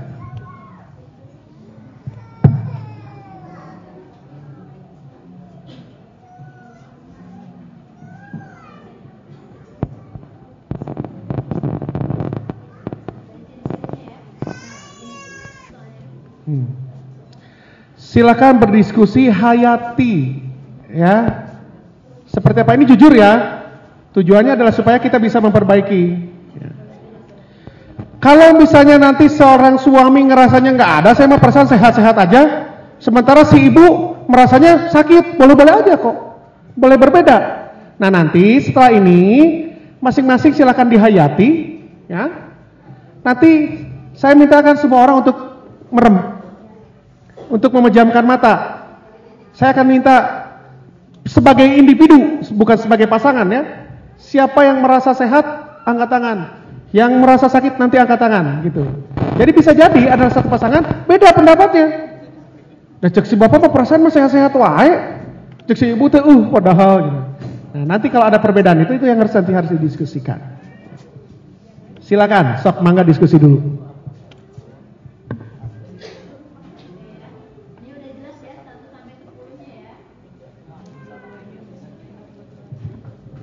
Oke. Nah, sudah diskusi, sudah diskusi? Sudah mulai angot diskusinya belum? nah, saya minta bapak-bapak dan ibu-ibu sekarang pejamkan matanya. Dua-duanya ya. Jangan ada yang buka mata ya sebelum diminta buka mata ya. Ayo, dipejamkan matanya. Biar sebelah nggak tahu bu, sebenarnya apa yang kita rasakan. Jadi jujur nih, ayo merem. Silakan masing-masing, pejamkan matanya. Satu, dua, tiga. Pejamkan matanya masing-masing. Bapak pejamkan matanya. Sekarang saya minta yang merasa sehat ya konfliknya antara pasangan angkat tangan sebagai individu nih ya. Merembak, merembak.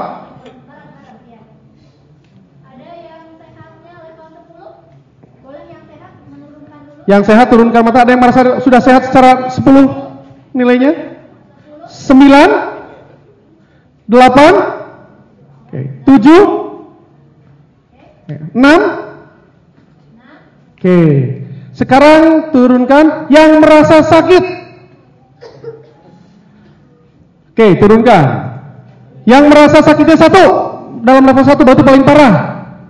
Dua, tiga, empat, lima. Oke, turunkan. Sip, silakan dibuka matanya. Nah, kan saling nggak tahu, jadi saya bikin supaya ini jadi rahasia saya.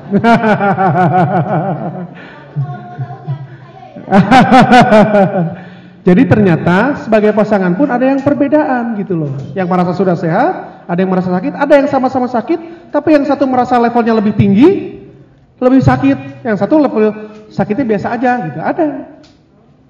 Nah, itu maka nanti Anda berdiskusi lah masing-masing. Supaya sepakat pertama ini level berapa. Yuk kita perbaikin bareng-bareng. Karena nggak bisa memperbaiki sendiri. Cuma dari sisi bapak yang perbaikin nggak bisa, dari sisi ibu doang nggak bisa, harus dua-duanya. Ya. Nah, solusinya bagaimana supaya menjadi konflik sehat? Satu, membangun pola komunikasi yang sehat. Kedua, menjadi pribadi yang asertif, membangun relasi kolaborasi. Kita akan bahas satu persatu. Next, Bu dia. Nah,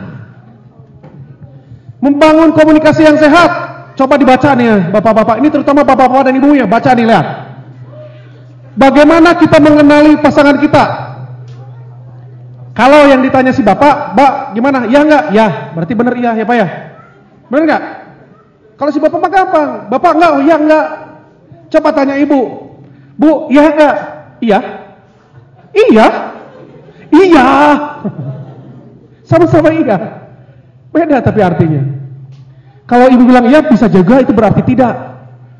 Harus pandai-pandai membaca kata-kata si ibu, ya.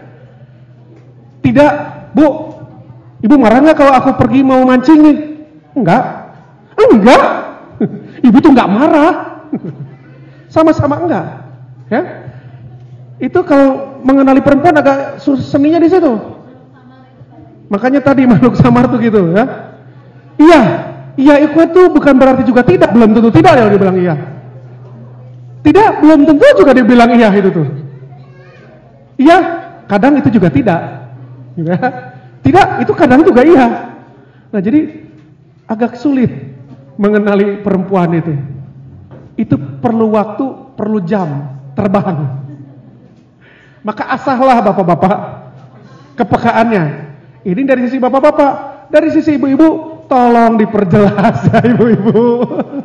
Inisiatif untuk menjadi asertif. Biar jelas. Ah, gak ngerti atau ibu terjadi naon hoyong na. Ongkonya tapi itu. si bapak bingung kan? Nah, bapak-bapak mencari tahu, ibu-ibu memberitahu. Gitu. Jadi sama-sama bergerak, bergerak mendekat. Gitu. Jangan sama-sama bergerak, tapi menjauh. Jadi bisa tadi beda keyakinan itu ya budaya. Yang satu kekehayang, yang satu kekemung gitu kan. Beda keyakinan jadinya. Yakin mau, yang satu yakin enggak. Ya.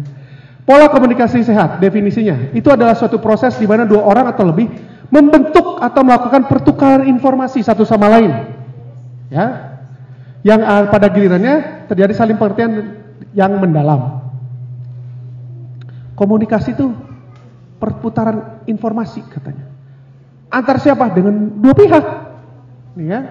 Secara psikologis, komunikasi adalah upaya untuk melakukan membangun koneksi dengan dunia pasangan, baik dengan pasangan kita ya, maupun dengan anak-anak.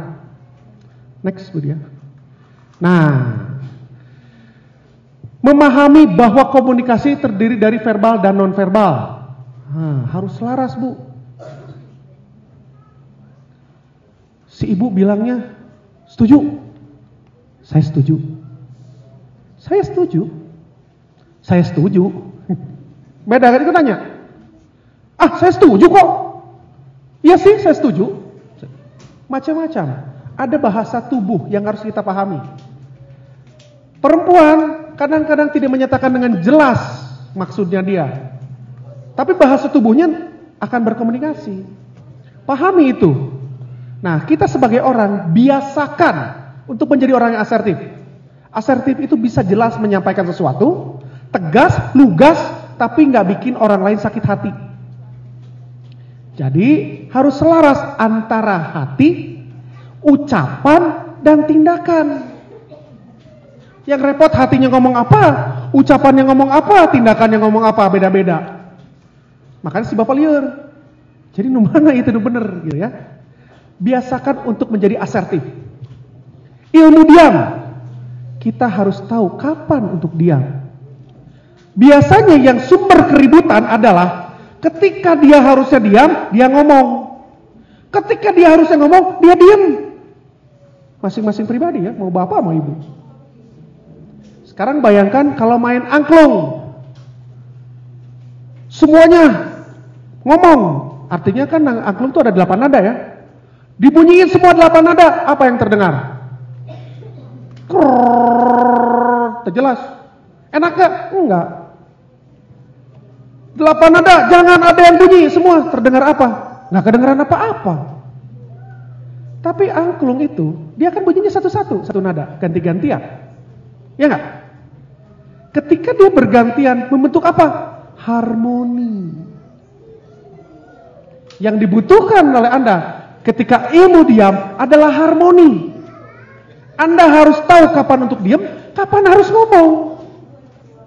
Jadi berharmoni sehingga akan membentuk suatu harmoni yang enak didengar.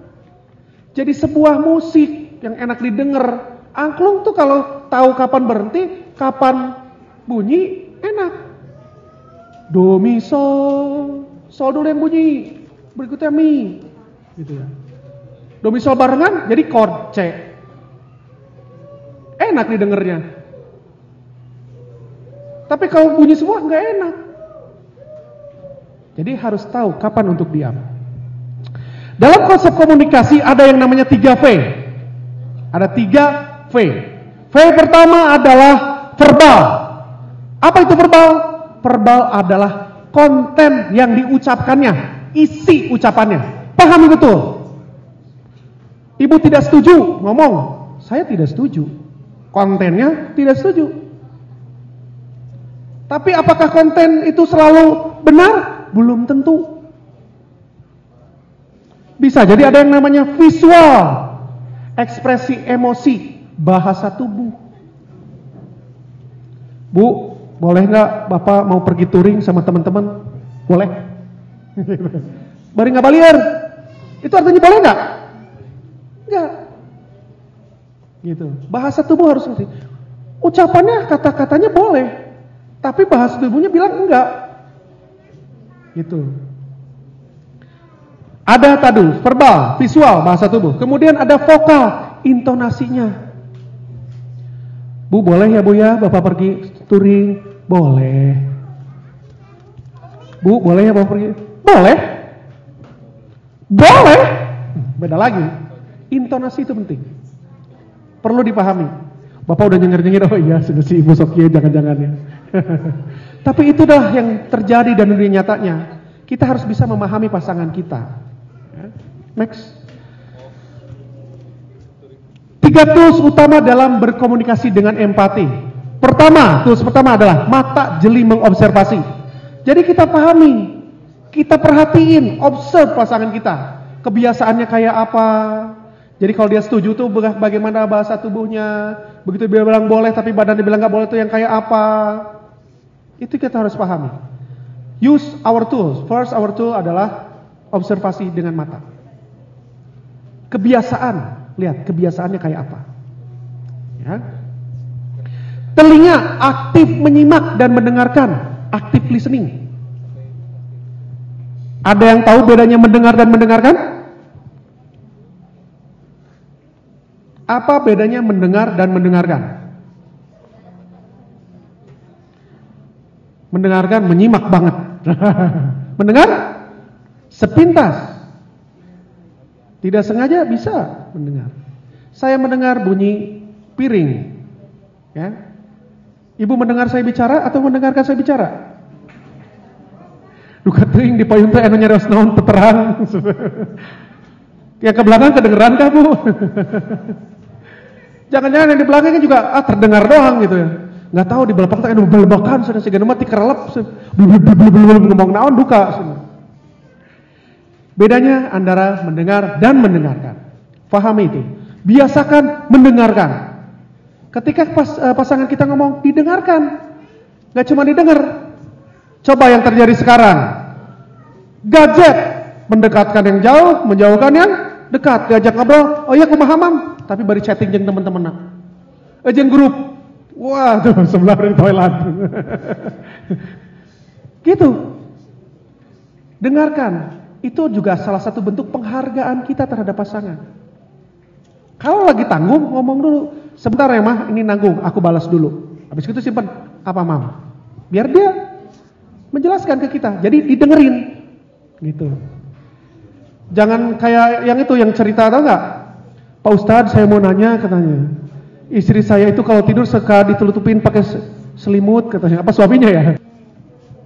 Suaminya katanya. Terus kalau malam-malam wajahnya bercahaya. Padahal itu bapaknya kerweaan di balik selimut. Jadi wajahnya kecahayaan. Gitu. Nah, jangan seperti itu. Ya. Hargailah, dengarkan, jangan cuma mendengar. Ya. Hati penuh kasih, empati, tulus, menerima dan berbaik sangka. Jadi penuh rasa gitu, terutama ke pasangan cewek ya. Rasa. Bapak ke ibu berikan rasa. Ibu ke bapak belikan adalah Bangga, Bapak tuh pengennya bikin bangga. Bikin dia menjadi hero, bikin dia menjadi pride-nya tinggi. Gitu, kan? Empati, coba kita rasakan kira-kira apa yang sedang dia rasakan. Ya. Tulus menerima tadi fitrah yang tertukar. Jangan sampai menjadi fitrah yang tertukar. Ibu harus tulus menerima fitrahnya sebagai bunda, sebagai istri, sebagai makmum. Bapak harus siap menerima tugasnya, tanggung jawabnya sebagai imam. Ya.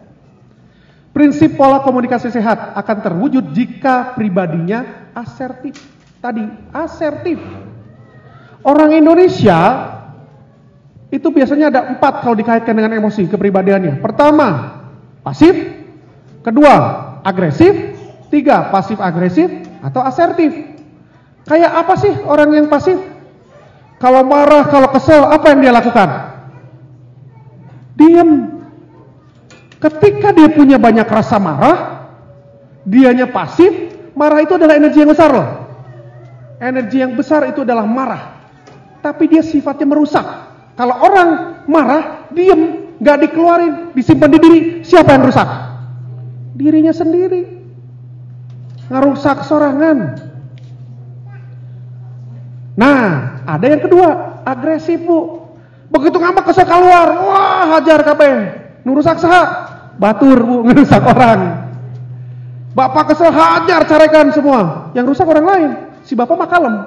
Ah, saya sudah mengeluarkan emosi saya tenang. Si ibu berdarah-berdarah. Aduh, alah, serius si bapak ngambek gitu ya. Harus hati-hati.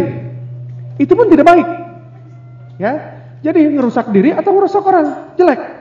Ada yang ketiga, pasif agresif. Bapak kesel kasih ibu, nggak berani, nggak enak ibu ngomong ke ibu tuh nggak berani langsung. Ngomongnya ke siapa? Ke anak. Tah dek, indung maneh tah. kurang ajar, senoa gitu ya. Atau ke anak cerita, atau ke mertua, ke temannya saya, menceritakan ke orang lain. Itu pasif agresif. Ada juga yang unik pasif agresif nih. Kayak apa? Nyindir. Sok, sekarang lihat di sosmed, Facebook, siapa yang punya Facebook? Buat yang ngerasa nih ya, buat yang ngerasa aja nih, lu ya jangan lupa bayar utang.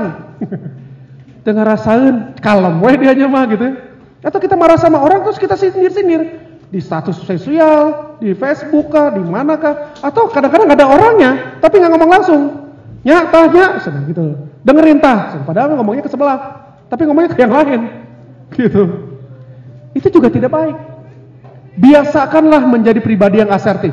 Pribadi yang asertif adalah pribadi yang bisa mengungkapkan dengan jelas, dengan lugas, dengan tegas, tapi tetap menjaga martabat dan harkat pasangan kita nggak bikin dia sakit hati. Gitu.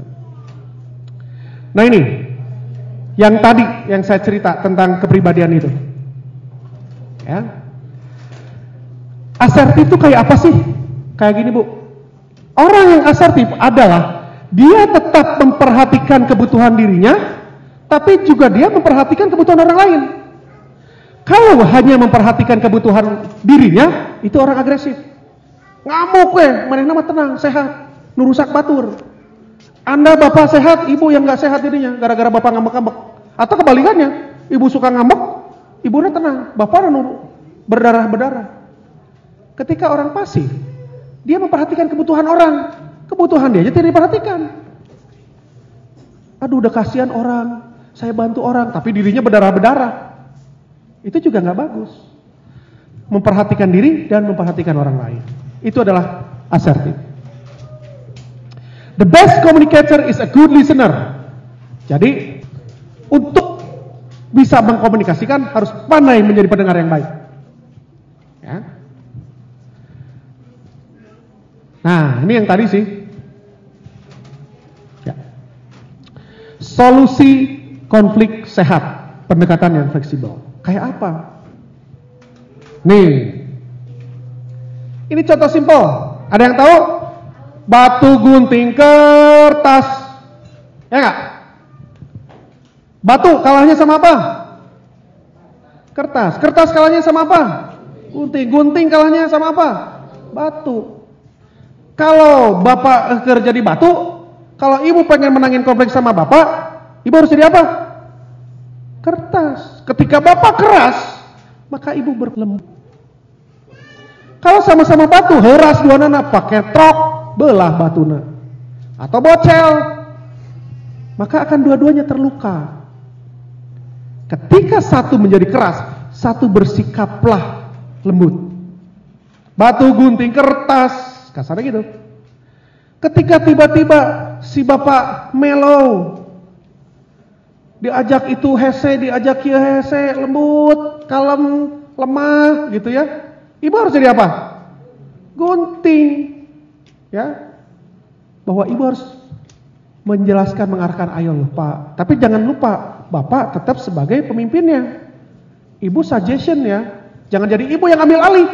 Kenku ibu. Jadi si ibu yang ngambil alih, jangan. Tapi Bapak harus disugesti oleh ibu supaya dia mau dengan cara yang jelas, lugas. Ya, konsep batu gunting kertas. Ketika si ibu teh nyuit-nyuit batur nggak guntingan batur, ya ada saatnya bapak harus berani untuk menjadi batu keras, harus tegas. Ibunya ngeyel, ada saatnya kalau dia ngeyel tapi di tempat yang tidak benar atau dia salah gitu ya, bapak harus berani lah, tegas. Batu gunting kertas, Ya, cukup paham ya? Yang ketiga, solusi konflik sehat adalah sinergi peran ayah dan bunda. Ya, ini adalah tadi. Ah, ada satu lagi. Ini ketika permainannya seperti ini, tapi ada cara. Bapak dan ibu, ketika bapak dan ibu menyampaikan hal benar tapi caranya nggak enak ditangkap pasangan, ucapan kebenaran kita belum tentu ditangkap dengan benar oleh pasangan kita. Maka cara itu penting.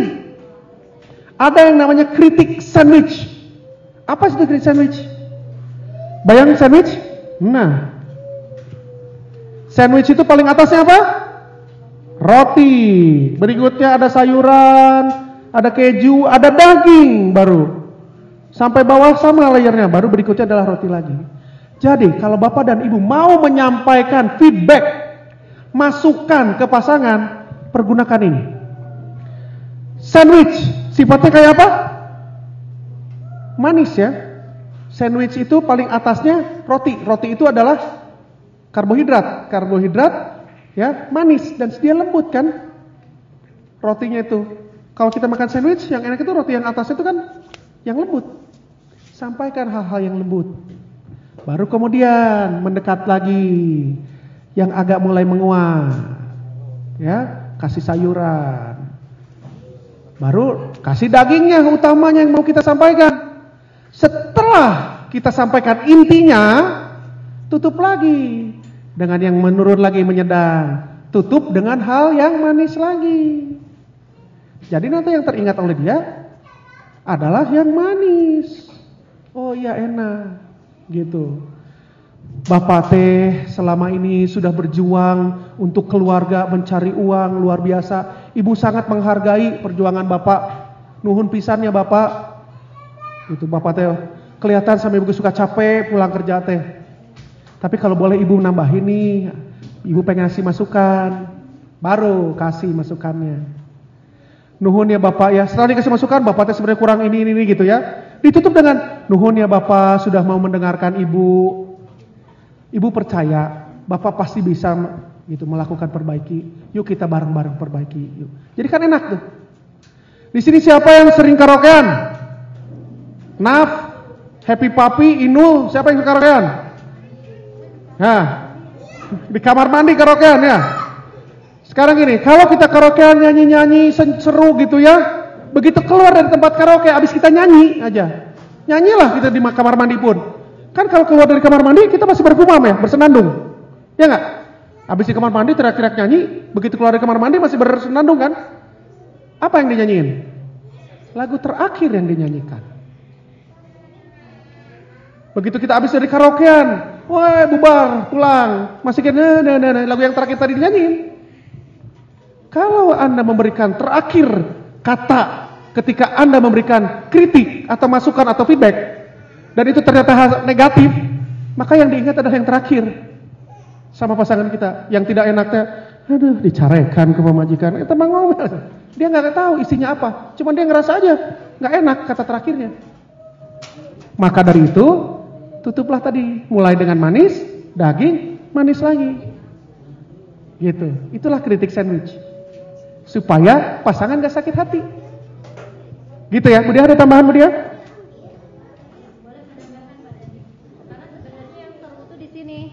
Kenapa? Aplikasinya sangat sulit. Kalau seperti ini kan kayak oke okay, siap gitu ya, mudah untuk diucapkan. Tapi ketika dilakukan semudah ini, enggak ya? Karena dua-duanya sama-sama siap dia bisa meledak dua-duanya. Boro-boro tadi dikasih roti dulu gitu. Padahal kalau dari prinsipnya ketika kita langsung ngasih isi gitu ya kita nggak kasih kenapa sih? Kita sulit memberikan kata manis di awal. Satu problemnya adalah bisa jadi kita punya mental blocking yang satu akhirnya menutup, menutup mata ya, menutup telinga gitu, apa pun yang dikatakan pasangan, Walaupun benar, tapi ah kemarin juga percuma dia ngomong kayak gitu juga. Kita udah ada mindset tuh yang membuat mental blocking. Mental blocking itu kalau dianalogikan, Bu, kayak tembok virtual. Kita punya pengalaman buruk, punya pengalaman yang bikin gak nyaman atau bikin ilfeel dengan pasangan. Bisa pasangan misalnya temanya yang suka janji-janji mau ke parenting enggak terus misalnya ya atau ke mau berkunjung ke rumah mertua enggak selalu ditunda-tunda Atau bisa jadi yang tema yang besar, mental blocking terbesar apa? Pernah ada orang ketiga. Itu luar biasa. Kita sulit kalau mau berkomunikasi, memberikan apresiasi-apresiasi dulu. Kan yang pertama tuh apresiasi ya. Syukur, apresiasi dalam rangka sebenarnya icebreaker. Dalam rangka merubuhkan tadi tembok emosional. Tapi kalau ternyata apresiasi sulit dilakukan dan yang pasangan pun merasa juga dia juga tetap aja gitu ya mental. Berarti ini dilakukannya self healing terapi dulu yang anger management. Karena ada sisa-sisa residu-residu pengalaman yang bikin ilfil di masa lalu masih bersisa. Seindah apa pun caranya pasangan mengapresiasi setinggi apa pun ketika punya mental blocking tetap hal ini sulit diaplikasikan. Gitu ya, makanya tadi unfinished business jadi solusi pertama untuk menyelesaikan komunikasi. Karena tidak sekedar tukar informasi, tapi sambung rasa ya Bu ya. Bapak, sambung rasa itu. Sambung rasa terhambat ketika tadi ada mental blocking. Ketika ada tembok virtual. Gitu. Yang berikutnya bisa jadi mungkin kita tidak ilfil Bu ke pasangan. Tapi kita penuh oleh tumpukan emosi misalnya oleh bos di kantor, oleh teman, terus dibawa ke rumah. Gitu. Itu akhirnya kita bawa ransel yang isinya penuh dengan emosi negatif ketika di rumah. Yang satu misalnya ibu rumah tangga dia pun sudah capek melakukan pekerjaan rumah tangga sama dia pun bawa ransel bu ranselnya emosi negatif capek 8 jam dia di rumah yang satu 8 jam dia di kantor dari luar begitu ketemu boro-boro tadi apresiasi seperti ini yang ada bisa batu ketemu batu akhirnya sulit dilakukan jadi menurut kami meluruhkan mental blocking itu PR pertama karena ketika sudah tidak ada mental blocking, ini lebih mudah untuk diasah. Kita tidak dalam titik didih emosi yang tinggi. Kalau ransel emosi kita penuh, ilmu parenting muap. Punten, dalil hadis yang kita merasa harus berbuat baik ke istri, lemah lembut, berbagai macam gudang ilmu ketika kantong emosi kita penuh, tetap aja ketika terpantik sedikit maka akan meluaplah hal-hal yang buruk. Kembali lagi kita cek yuk ransel emosi kita apa aja isinya. Jangan-jangan penuh dengan berbagai hal yang negatif. Bisa dari pasangan, bisa dari luar. Gitu. Makanya Nanti kalau misalnya ternyata dibutuhkan, yuk bikin kelas lagi, terutama untuk yang belum atau untuk kelas ayah. Bikin aja kelas ayah. Karena nanti akan lebih mudah. Kita nggak nggak membawa tadi ransel emosi yang penuh. Akhirnya kita lebih tenang bu, titik didih emosinya nggak langsung uh, meluap gitu, nggak langsung mendidih dan akhirnya bisa saling menyerang dan menyalahkan. Kurang lebih begitu. Ini unefektif ketika kantong emosi kita sudah rilis. Gitu ya. Kurang lebih seperti itu. Tapi jelas ini jadi rem. Kenapa ya? Ketika saya ngomongnya langsung mengkritik, dia kok balik nyolot. Kan? The best defense is offense. Pertahanan terbaik adalah dengan menyerang. Dia pasti akan sering serang balik. Pasti akan defensif kalau diserang. Gitu. Biasanya gitu, bapak-bapak kalau bersalah sebelum dimarahin, ngambek duluan. ngambek duluan. Padahal itu dalam rangka defensif sebenarnya. Iya. ada tipe yang seperti itu gitu. Tidak semua ada gitu ya. Jadi ini disadari betul. Ini akan mudah tadi kantong emosi kita dikosongkan dulu. Akan jauh lebih nikmat ya. Si bapak ketika punya skill self healing terapi sebelum masuk ke rumah bersih-bersih dulu detox di kantor gitu. Lalu si ibu juga ketika ada yang beda kota atau yang LDM? Ada yang LDM, LDR? Ada ya?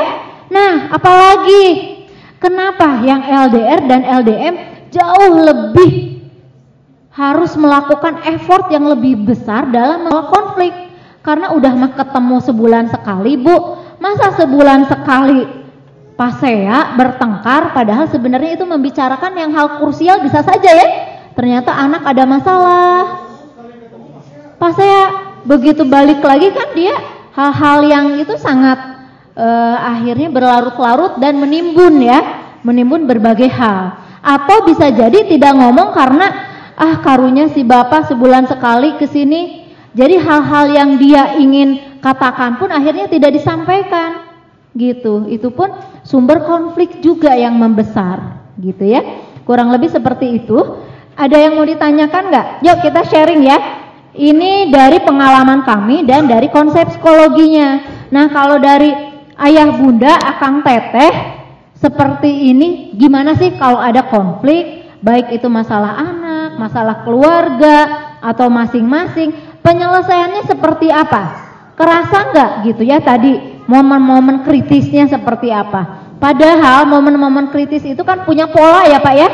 Sebenarnya kita bisa baca dan mudah sebenarnya diantisipasi. Seperti halnya tadi, Bapak pulang bersih-bersih di kantor, akhirnya dia kosong kantong emosinya. Dia siap memeluk istri dan anak. Tapi ibu-ibu juga yang di rumah Tadi 8 jam anak rewel lah, mertua nelfon marahin lah, belum tetangga ngomongin lah, dia bersih-bersih juga. Jadi ketemu dalam keadaan yang nyaman. Nah, self healing terapi aplikasinya untuk pasangan suami istri adalah di situ.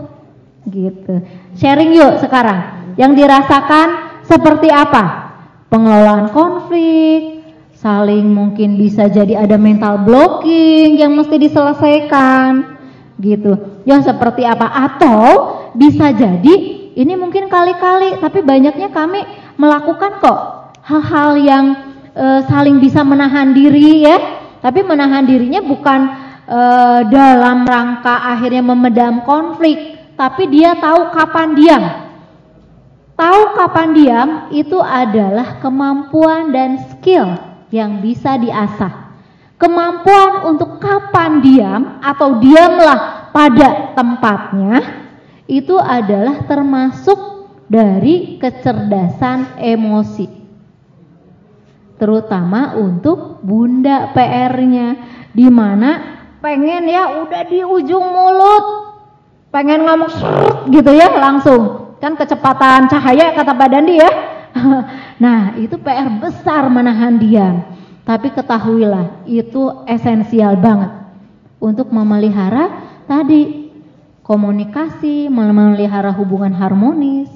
Yuk, kemampuan untuk diam itu luar biasa. Yuk, boleh. Mau sharing boleh boleh teh. Ini sampai nggak ya ininya? Si apa? Enggak, enggak sampai. Coba teh. Eh, punten Kang.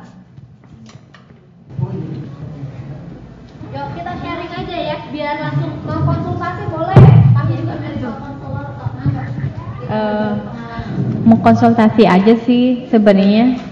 Uh, selama ini saya kalau berkomunikasi sama suami itu jarang ngobrol secara langsung. Lebih sering via WA eh, mau ada unek-unek apa pun saya sampaikannya via WA karena menurut saya sendiri kok kayaknya lebih nyaman kalau itu via WA jadi segala apa yang ingin saya utarakan semuanya tertulis rapih dengan di WA berbeda kalau misalnya kalau saya harus bicara dengan langsung dengan suami e, lebih cenderung bingung mau ngomong apa terus malah e, lebih lupa pada inti yang ingin disampaikan terus lebih banyak dengan menangis seperti itu.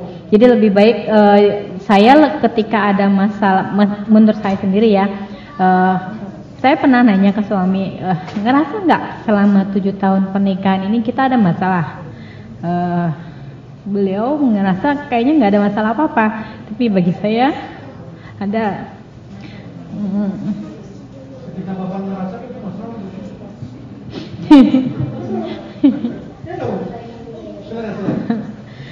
uh, inginnya saya.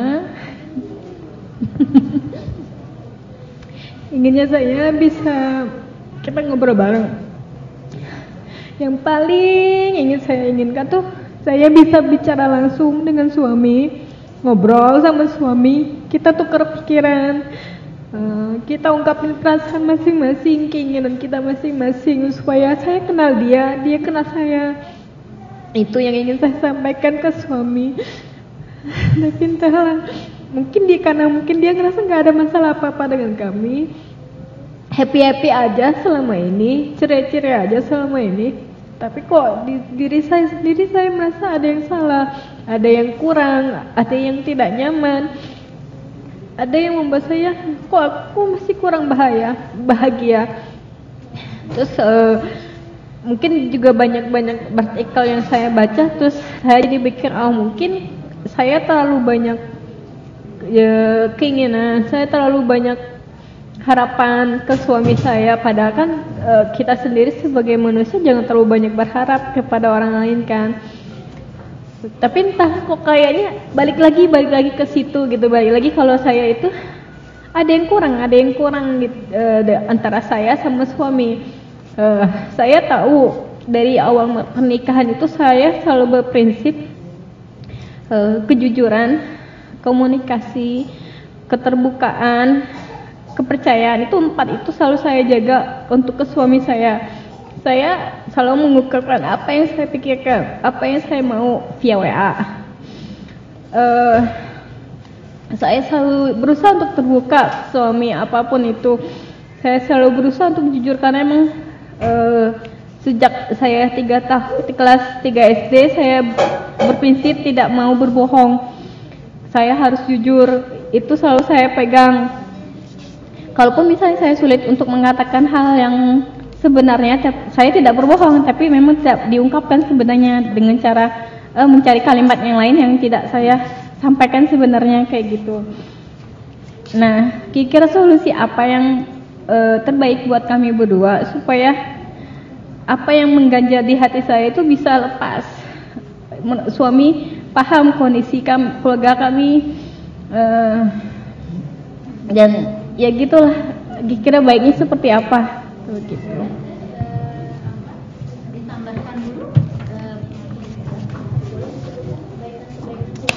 nah itu kalau kami saya paham suami banyak banget baiknya uh, memang ada proses ya dari awal dulu beliau ada susah untuk mau membantu saya untuk uh, pegang anak terus mencuci piring segala macam. Sekarang alhamdulillah kalau kondisinya emang Eh, nggak uh, kondusif suka ikut bantu nyuci piring kalau macamnya gitu. Terus beliau bersabar kalau saya lagi bete terus lagi kesel lagi moody kayak gitu ya beliau lebih milih diam dan sabar.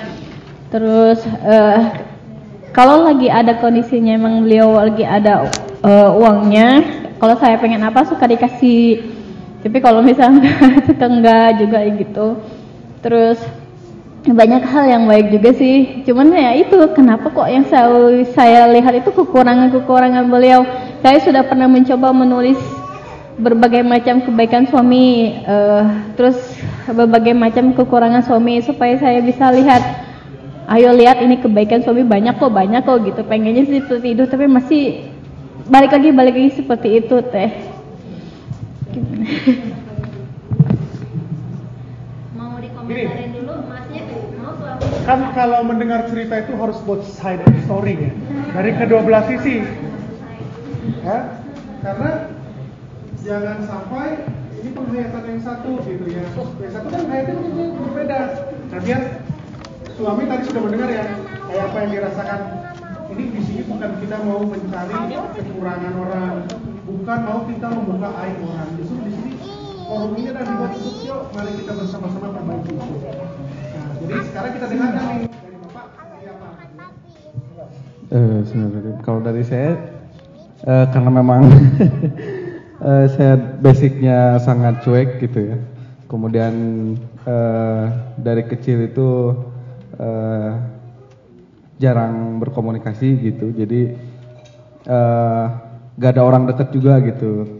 Kemudian gak ada role model bagi saya karena uh, saya sama bapak nggak terlalu dekat kemudian uh, ketika SMA beliau meninggal jadi ya saya ngerasa nggak ada seseorang yang uh, apa ya jadi role model gitu menjadi eh, seorang pemimpin, seorang ayah itu seperti apa gitu. Karena memang di keluarga juga eh, bapak dari saya itu agak cuek juga sih gitu ke ibu saya. Jadi ya sama ibu saya juga mungkin eh, ngerasanya eh,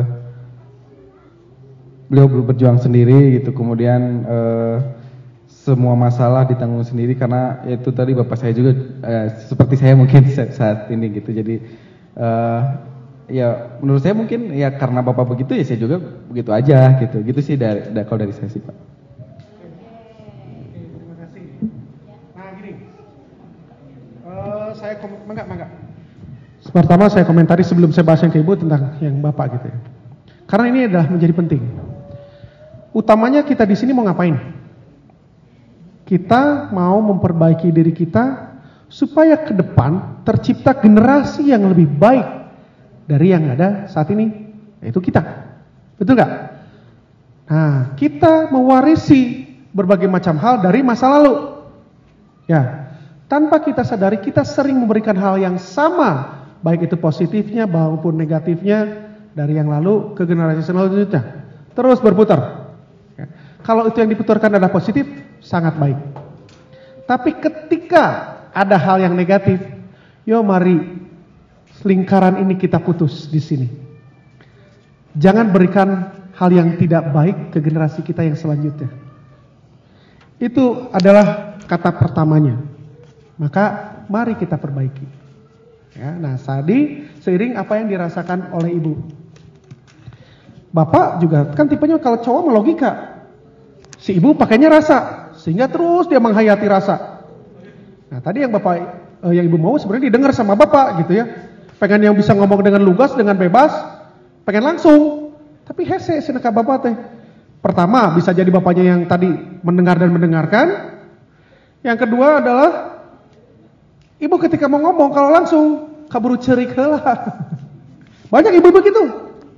Sehingga karena udah nangis duluan akhirnya jadi bingung jadi mereka ngomongnya apa gitu. Karena bari gitu. si suami nanti. Ibu dia untungnya nggak gitu. Karena ibu dia tadinya adalah ibu-ibu yang banyak logika.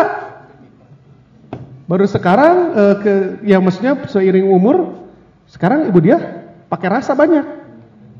Jadi balance gitu lebih feminim. Karena dulu ibu dia juga yang sangat apa eh, tegar gitu tegas gitu ya. Saya yang malah woles gitu. Nah akhirnya kami pun menyadari itu. Jadi kami bicara di sini bukan bahwa kami sangat jago, kami sangat baik bukan, tapi kami belajar dari apa yang kami rasakan dan kami ingin berbagi ke teman-teman yang lain supaya ini menjadi jalan yang baik untuk kita semua gitu. Nah, akhirnya peran itu pun penting. Ya. Nah, sebetulnya kalau kita bicara tadi konsep 3V, komunikasi. Apa tadi? Verbal ya. Kalau isi disampaikan dengan chat bisa nggak? Bisa ya. Dengan WA ketahuan dong isinya. Berikutnya visual, bahasa tubuh. Tergambar nggak kalau dengan chat? WA nggak kegambar. Emoticon, ada beberapa hal yang tidak terbayar, terbayangkan dengan emoticon. Gitu. Belum lagi bapak teh cuek, itu naon sih artinya banyak gitu. Tetap nggak sih bapak teh gitu ya. Yang ketiga apa? Apa? Vokal, intonasinya, tak intonasinya pemain dina mah tidak terbaca. Padahal nih, efektivitas verbal itu hanya 7%. Betul. Konten itu hanya 7% efektivitasnya. Yang paling gede efektivitasnya adalah visual. Dan vokalnya, intonasinya, gitu. Jadi, dan sementara 93% itu yang nggak ada di chat WA. Nggak bisa di cover. Sehingga bagusnya bisa ngomong langsung. Tapi mangga disepakati. Kan mumpung nih Bapak sudah mendengar langsung ya Pak, bukan saya ngomong nih. Ya.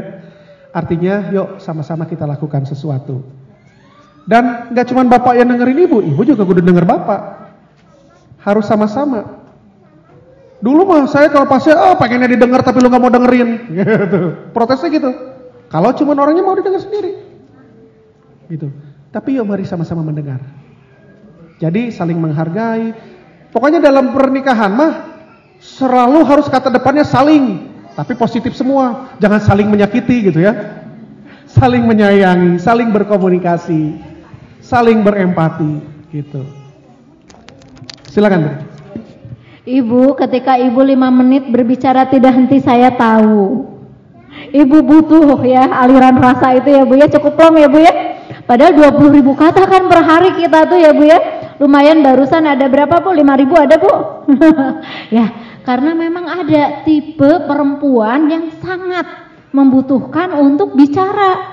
Bisa jadi bahasa cintanya bapak ke ibu adalah dengan mendengarkan dan itu terapi untuk istri pak. Daripada bayar ke psikolog mahal pak. Mendingan bapak jadi terapis dan konselor untuk istri. Maksud saya salah satu peran penting suami adalah menjadi konsultan bagi istrinya. Istri A sampai Z sudah penuh dengan berbagai macam urusan. Udah penuh emosinya. Dialirkannya siapa? Jangan sampai salah ngalirin. Taunya ada yang nampung genku kami kata tetangganya. Dan tetangganya mending kalau ibu-ibu ternyata bapak-bapak pak. Gitu. Karena kenyamanan itu sangat luar biasa untuk yang kebutuhan tadi untuk didengarkannya sangat besar pak. Dan saya ada riset ya. Orang yang sama sekali tidak dikenal lalu dipertemukan dia laki-laki dan perempuan tidak kenal tapi dia berbicara hati ke hati. Misalnya pertanyaan apa sih masa kecil kamu seperti apa? Yang paling menyenangkan yang tidak menyenangkan? Siapa dulu tempat kamu menangis?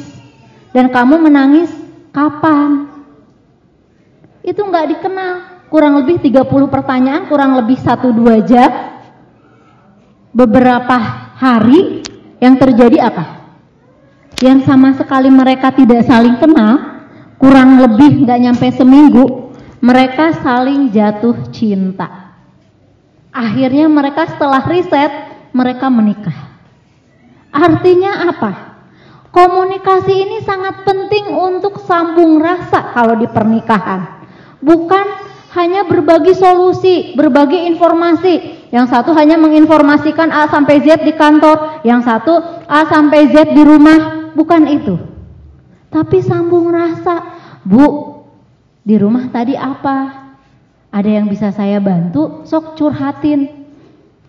Terus ibu juga sama tadi saling, Pak di kantor kayak apa? Jadi lebih dalam pertanyaannya, sambung rasa. Makanya tidak heran kalau suami istri tidak didengarkan, tidak saling mendengarkan di rumah, ternyata ada pihak luar yang siap mendengarkan pasangan ibu atau bapak. Dan itulah gerbang perselingkuhan. Karena tadi dari riset pun tidak saling kenal. Taunya ibu curhat ke tetangga, bapak ternyata curhat ke teman kerja. Apa yang terjadi? Itu saya bukan menakuti, tapi itu realita. Gitu ya. Jadi sambung rasa itu penting banget buat waktunya make the time. Saya nggak punya uh, waktu, saya capek. Jangan sampai terjadi begitu. Klien kami kemarin, dia residen dokter anak. Ada juga, dia bahkan udah lulus. Suaminya sibuk juga dia LDM. Jadi ya itu, bicaranya hanya yang formal-formal aja, istrinya sementara cerewet luar biasa. Tapi karena tidak digubris, tidak didengerin, Akhirnya begitu, hati mereka saling menjauh. Dengan komunikasi ini, kan saling bonding, harusnya saling ikat kan ya. Tapi dengan akhirnya mereka karena jarang bicara hal-hal yang terkait dengan hati, akhirnya hatinya sama-sama melonggar. Dan akhirnya fitrahnya hati itu melekat loh Pak. Dia akan melekat ke orang yang bisa memberikan kebutuhan dan nutrisi si hati itu. Dalam hal itu kebutuhan disayang, didengerin, pasti melekat. Kalau nggak melekat ke suami, nggak melekat ke istri, pasti dia melekat ke tempat lain, dijamin. Gitu ya. Dan ketika kita sudah ternyata meledak, harus dibawa ke psikolog ya, ada yang ke psikiater itu kosnya sangat besar, bukan dalam nominal saja, tapi sudah itu luar biasa. Jadi suami jadilah konsultan bagi istrinya dan istrinya tentu saja mendengarkan saran-sarannya gitu. Itu akhirnya tadi saling mendengarkan, saling berempati gitu ya. Nah, eh, mungkin Bapak memang betul karena kebiasaan ya Pak ya Nah, jangan sampai kayak tadi. Akhirnya tadi yang yang satu roti apa bagian pinggir itu katanya untuk anjing, yang satu itu justru tadi dia yang justru diperbutkan gitu ya. Nah, itu jangan sampai itu temanya bisa jadi roti, tapi silahkan Bapak gali tema masing-masing yang bisa jadi potensi konflik. Ketika dibiarkan akhirnya membesar bola salju dan berakhir ke menjadi pasangan yang 40 pasutri per jam dia bercerai setiap jamnya ya. Jangan sampai ke situ. Lakukan preventif. Sebagai informasi nih, mm -mm. data di Indonesia saat ini, Mm -mm. setiap satu jam terdapat 40 pasang yang mengajukan perceraian. Ya. Pengadilan. ya betul. Kita udah duduk berapa lama di sini dari jam 9 ya? Nah berarti udah berapa lama udah berapa pasangan tuh yang bercerai itu? Kita kurang lebih 6 jam ya? 6 kali 40 240 pasutri itu fakta dan perceraian di Indonesia dia paling tinggi se Asia Pasifik kalau nggak salah itu. Paling tinggi dan trennya terus menaik. Gitu ya. Saya tidak menakuti tapi makanya ini kita bersyukur. Ini upaya preventif kita. Yuk terbuka sebelum segala sesuatunya terlambat. Yuk sedia payung sebelum hujan. Jangan dulu kita kebasahan baru kita nyari payung gitu ya. Jangan dulu api membesar baru kita teriak damkar. Kurang lebih begitu. Kita sesi sharing aja ya terakhir karena materi sudah selesai. Materi nanti dibagikan gitu bisa dibaca bisa nanti konsultasi juga. Nah sekarang teteh akang mudah-mudahan bondingnya lebih kuat ya. Di sini untuk saling memahami saling berempati. Apa yang bisa menyatukan perbedaan? Perbedaan sosioekonomi perbedaan budaya perbedaan karakter perbedaan bangsa negara perbedaan segala macam. Apa yang bisa menyatukannya? Power of love. Cinta. Cinta yang menyatukan pasangan suami istri. Dan jangan salah Sumber cinta bukan dari mata turun ke hati, tapi dari langit turun ke bumi. Sehingga saling mendoakan supaya tetap Maha Pemilik Langit mencurahkan cintanya ke rumah tangga kita itu yang paling utama dari tadi 1001 pernikahan itu langkah utama dan pertama. Yuk terus kita berharap mendamba cinta dari Allah dibumikan ke rumah kita masing-masing ya. Oke, berikutnya mohon Kakang Teteh ya, udah luar biasa loh ikut parenting ya. Dan akangnya kan cuma satu, nggak ada cadangan kan? Nggak ada ya Kang ya? Alhamdulillah.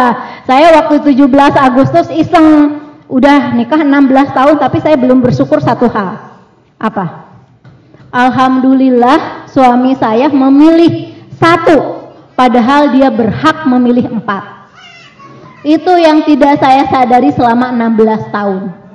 Padahal itu luar biasa, anugerah syukuran di mana banyak istri yang berjuang dengan dia seperti itu dengan tema-tema seperti itu. Kalau saya alhamdulillah dan semoga itu jadi doa juga ya. Jadi itu kadang tidak disyukuri. Memang kan gitu ya istri itu suka lupa bersyukur gitu. Padahal ketika suami memilih satu itu sebenarnya udah solusi buat semuanya sebenarnya. Semua problema itu selesai sebenarnya ya. Tapi tetap cara-cara tetap kita lakukan. Alhamdulillah nuhun ya teh ya. Jazakumullah akang khairan. Oke teteh, mangga teh dari sini aja. Yuk, boleh sharing ya. Kita kebagian semua kita sesi sharing kurang lebih setengah jam kita selesaikan. Mangga.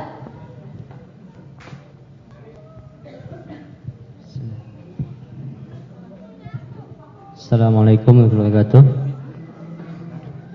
Uh, terima kasih atas waktu yang diberikan. Uh, pertama, uh, saya me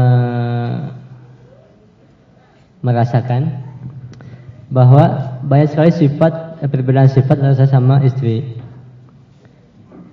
misal saya orangnya komunikatif, Eh, istri malah pemalu pendiam.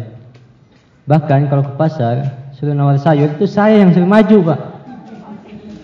Kan aneh, harusnya kan ibu-ibu itu ya. Tapi kalau salah beli saya yang dimarahin gitu.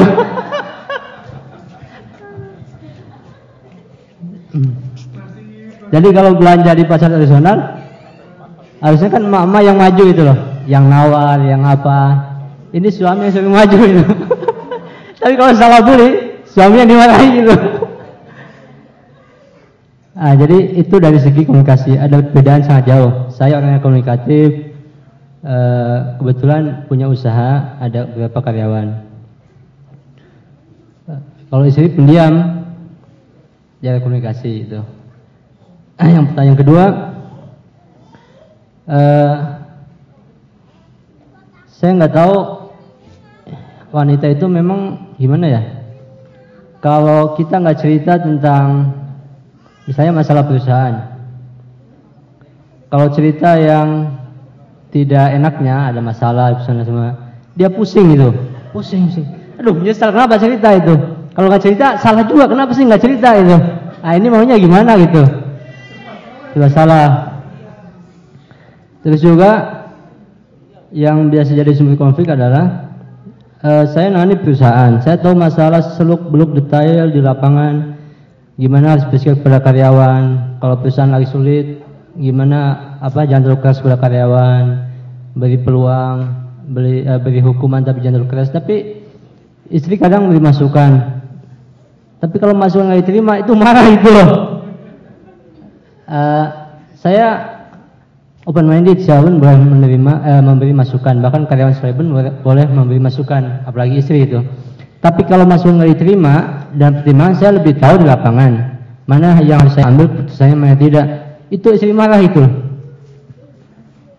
Nah ini kadang jadi sumber konflik juga seperti itu. Kemudian hal-hal lain memang kami menyadari bahwa ada inner child yang belum hilang di diri kami masing-masing. Eh, saya pribadi lama tinggal di Jogja bu ya. Jogja kan suasananya eh, halus, adem. Saya dari Sulawesi Kendari, bukan asli sana, cuman besar di sana. Itu ketika pindah ke Jogja, lama di Jogja, saya jadi ikut jadi lembut juga, halus gitu, sabar, tenang, eh, guyonan, menyenangkan gitu eh sebenarnya istri di Jakarta ya. Eh, komunikasi itu ya ya begitu aja, nggak nggak nggak lembut, nggak halus apa. Itu poin seperti itu. Eh, hal, hal, hal lainnya, saya waktu kecil eh, dulu bapak ibu sering bertengkar dan saya menyaksikan.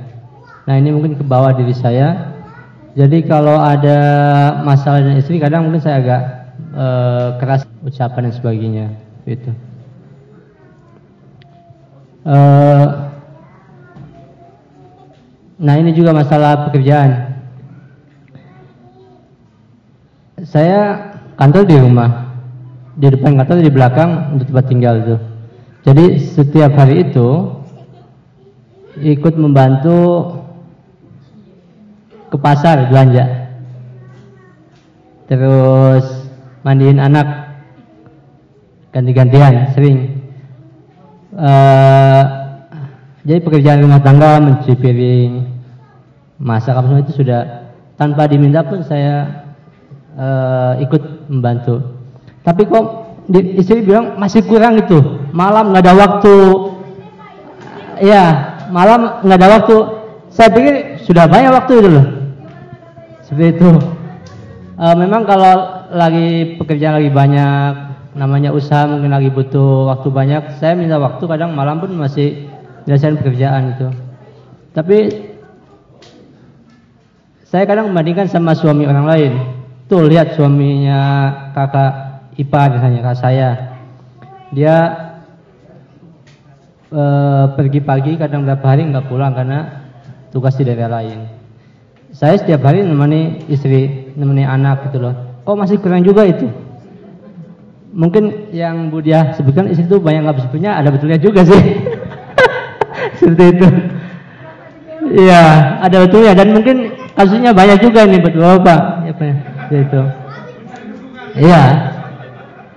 Jadi saya orangnya komander, memimpin, mengarahkan, organisasi, kemudian membuat konsep, mendelegasikan seperti itu. Kalau secara teknik teknikal agak kurang, makanya saya butuh orang-orang di, eh, di perusahaan itu yang bisa.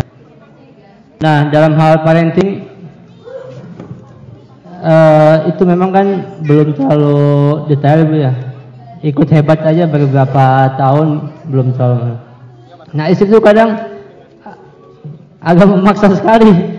Ini visinya belum jadi. Ini misinya gimana rencana? Ini sekian tahun, sekian tahun. Kadang kita itu kayak ketekan juga itu bu, seperti itu. Saya sambil sambil jalan aja dulu, sambil diperbaiki, sambil jalan diperbaiki seperti itu. Jadi banyak sekali perbedaan itu yang ah, bagaimana menyikapinya saja. Terima kasih. Uh, dua-duanya lah. dua-duanya, dua-duanya gimana? Ini kan ada di sebelahnya nih Pak. Jadi tahu ya Bu ya. Mangga mangga. Baik.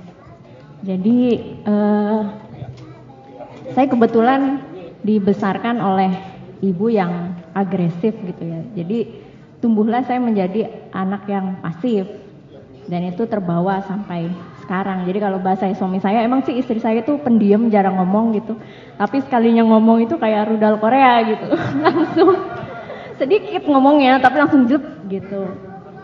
Nah itu mungkin uh, ke bawah ke mana-mana bahkan sampai ketika menawar pun di pasar atau belanja di pasar yang harus nawar saya nggak nggak mau gitu karena nggak enakan nggak apa gitu.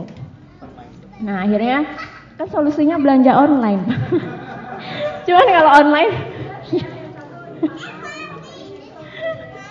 Nah itu terus kemudian uh, kalau yang saya analisis selama ini adalah karena kami berangkat dari uh, kultur yang benar-benar berlawanan.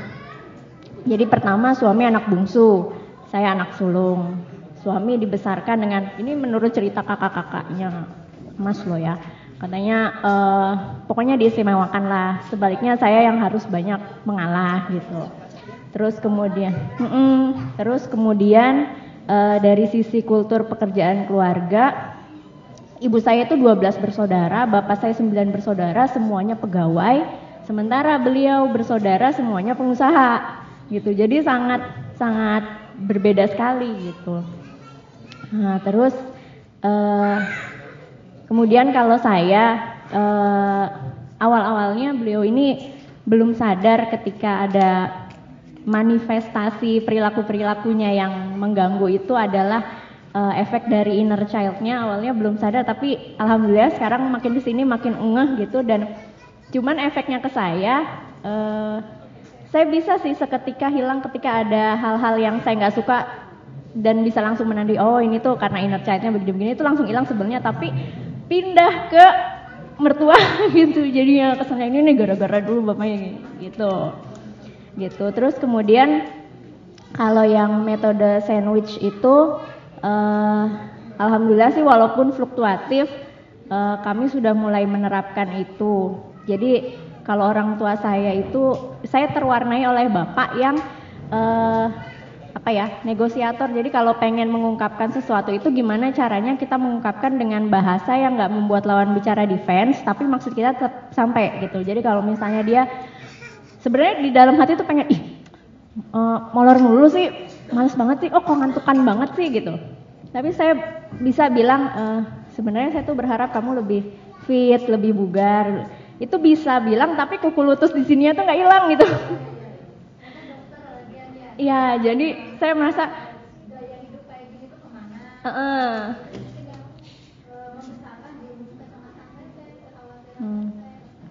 Dan kadang-kadang misalnya gini, pusing nih demam. Mungkin kalau uh, mungkin sebenarnya yang dibutuhkan adalah di alam lah gitu ya. Tapi maksudnya oh lagi demam mau apa mas? Tapi kalau saya tuh refleksnya enggak, masa sih langsung ambil termometer gitu. gitu. Eh, tentang inner child itu jangan sampai salah paham ya. Eh, kami pun eh, salah satu misi kami itu adalah memang mengantarkan orang bahagia dengan sejahtera mentalnya, di mana salah satu sifatnya adalah dia e, memaafkan masa lalunya. Ketika memaafkan masa lalu, dia kan harus sadar dulu masa lalu mana yang menyakitkan dan perlu dimaafkan gitu ya. Nah, hanya memang Ketika kita sudah dewasa, kita mencari tahu, mengobati diri sendiri gitu ya, kalau di dokter gitu ya. Jadi kita self care, bukan lagi kita sebenarnya bukan lagi mengungkit masa lalunya, tapi apa sih yang membekas di diri kita dan kita lepaskan dengan penuh keridoan. Gimana caranya kesadaran masa lalu yang menyakitkan jangan sampai di forward ke anak-anak kita, cukup di kita gitu. Jangan sampai di forward kalau bahasanya Pak Dandi apa? Jangan sampai ya tadi rantai pengasuhan tuh yuk stop di kita. Jangan di forward. Kalau forward kan hal-hal yang baik tuh. Kita forward sebanyak-banyaknya ya gitu. Tapi kalau masalah menyakitkan jangan di forward, stop di kita. Jadi saling membasuh luka pengasuhan sebenarnya bersinergi. Jadi suami istri yang punya inner child kalau memang membutuhkan bantuan profesional, mangga. Salah satunya bisa datang ke kami atau ke psikolog terdekat, mangga. Tapi kalau ternyata bisa saling membasuh, itu lebih baik. Karena sebenarnya partner yang lebih baik itu kan pasangan saling membasuh ya, yang 24 jam ketemu loh. Kalau ke psikolog, ke psikoterapis, janjian aja minimal dua minggu bikin appointment teh. Padahal sakit hati udah di sini, mendingan ke yang sebelah yang 24 jam ketemu ya belum lagi ke psikolog mah apa? Bayar. Mahal lagi, ya. Jadi maksudnya, yuk saling membasuh luka sebenarnya pasangan suami istri bisa kok gitu. Yang menyatukan apa? Tadi tali ikatan cinta. Tali ikatan cinta enggak hanya antara pasangan, tapi kita mempertanggungjawabkan bahwa pernikahan ini adalah kontrak dengan Allah gitu. Itu mungkin yang akhirnya membuat kita lebih kuat meluruhkan berbagai tembok. Tapi kalau ternyata udah dicoba membasuh luka nggak selesai gitu ya, bisa akhirnya silahkan minta bantuan ke kami. Kalau ke kami jangan khawatir tentang biaya, insya Allah mangga disupport aja, datang kita appointmentnya, mangga japri-japrian gitu ya, mangga gitu aja. Mau menambahkan Pak Dandi? Mungkin menambahkan Pak cerita bahwa karakter Bapak seperti ini, Ibu seperti ini, dan rasanya memang berbeda gitu ya. Kembali kata Budiah, cari titik tengahnya sebenarnya apa yang awalnya kita jadi bersatu itu apa sebetulnya.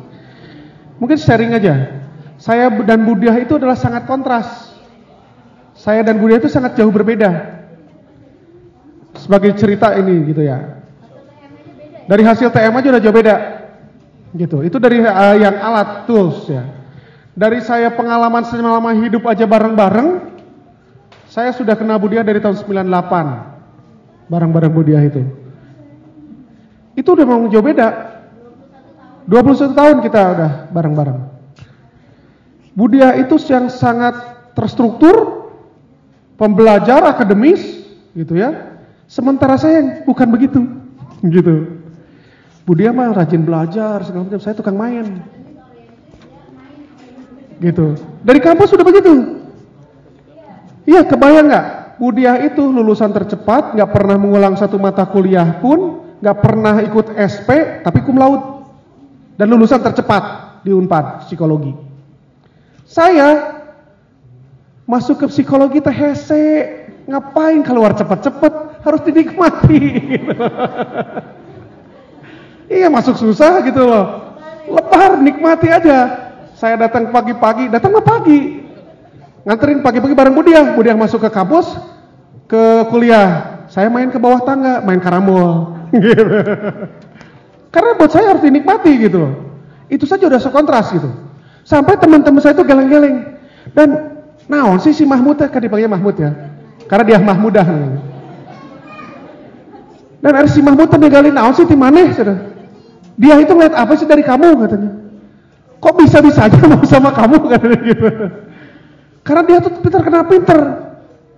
Kok mau sama kamu katanya gitu. Kok mau sama lu? Dan saya dengan santainya jawab, kalau lu bilang dia pinter, berarti gue jauh lebih pinter. Buktinya yang pinter aja gue bisa bohongin. Jadi mau. gitu. Jadi kita sangat kontras gitu. Tapi dengan kontras perbedaan itu kami saling mengisi. Gitu. Budia itu gampang tegang, nervous, cemas. Saya woles. Ketika dia tertegang, saya ajak main. Woles, ayo kita woles aja. Ketika saya terlalu woles, Budia yang ngingetin, eh ayo, ayo. Ayo skripsi yang betul. Saya kalau nggak kenal Budia, kayaknya saya jauh lama banget kayaknya nggak lulus lulus. Bisa jadi saya jadi seminiman nggak lulus kayaknya, gitu. Karena saya ditanya, Budia ditanya, kamu pengen lulus kuliah berapa tahun? Sekian. Tiga setengah tahun dia lulus dia. Saya ditanya, kamu target kuliah berapa lama? Enam tahun. Kenapa? Ya harus jalan-jalan, nikmati itu gitu kan.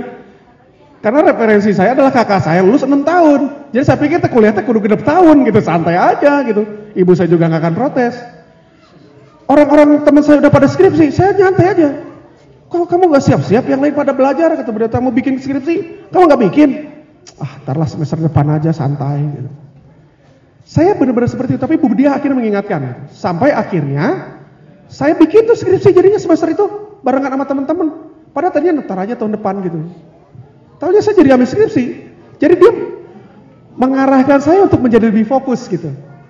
Nah, kita mungkin akan menjadi pribadi yang sangat berbeda satu sama lain. Tapi silahkanlah pergunakan itu untuk saling mengisi. Saling melengkapi gitu. Ketemu kok, ada titik temunya pasti.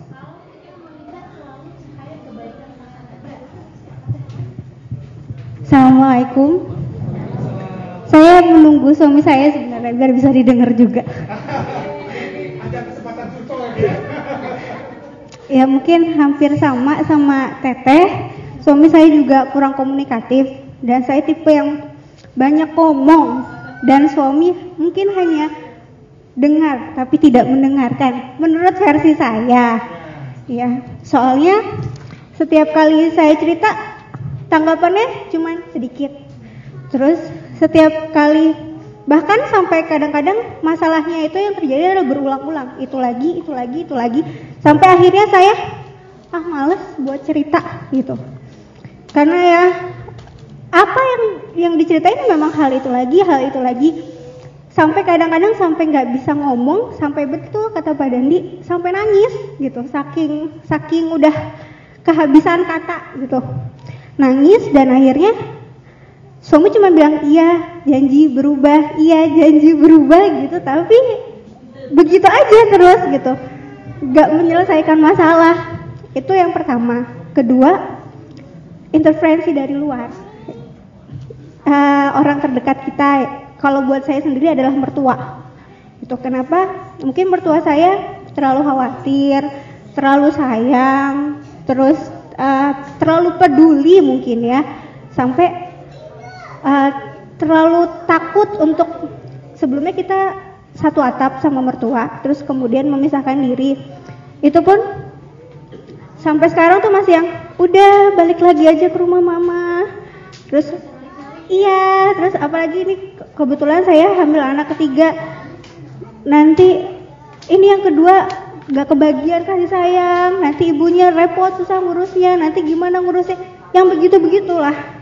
Tapi kalau dari saya sendiri tuh saya percaya saya bisa, saya mampu karena semua dititipin sama Allah pasti dengan kemampuan yang masing-masing gitu. Apalagi kalau kita kerja sama gitu, insya Allah pasti bisa gitu. Cuma yang mertua ini masih yang, ayo balik lagi, ayo balik lagi gitu.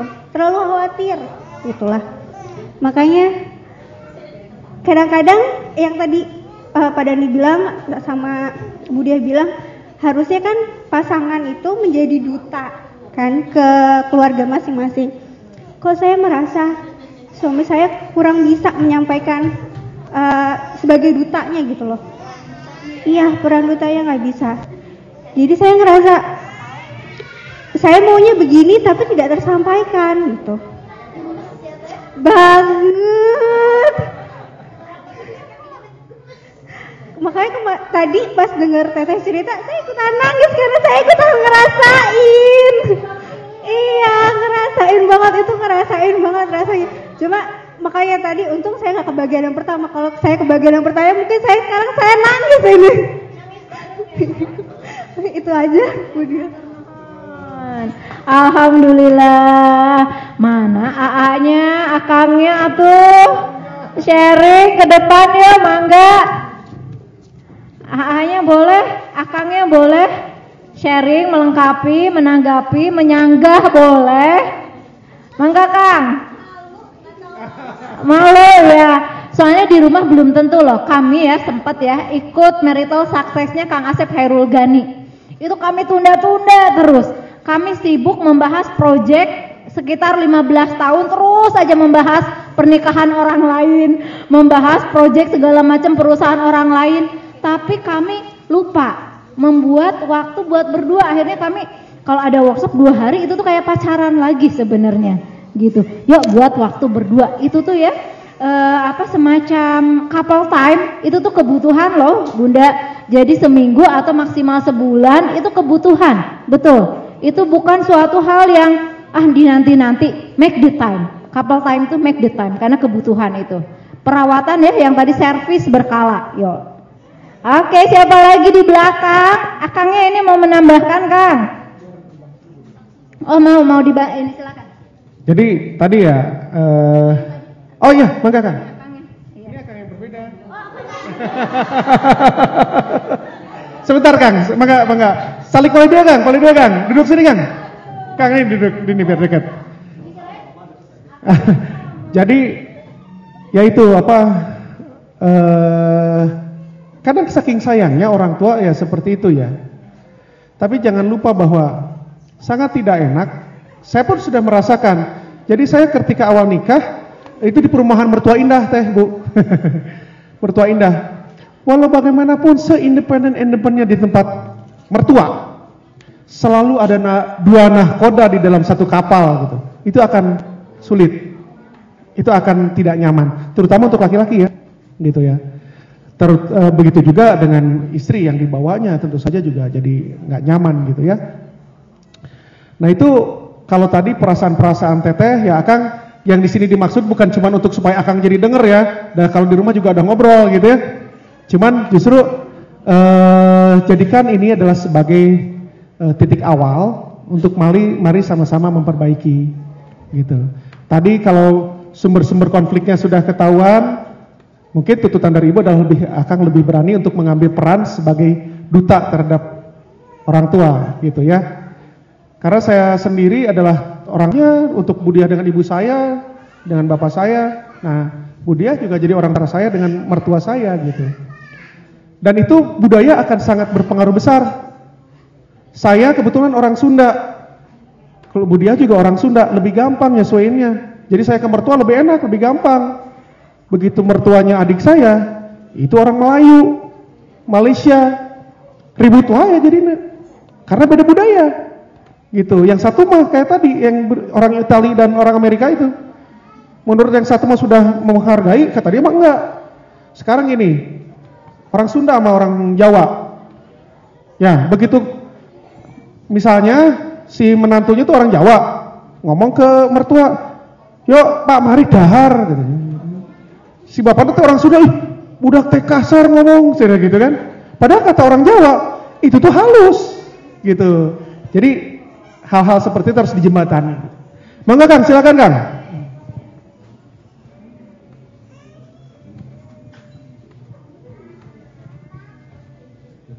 Bismillahirrahmanirrahim.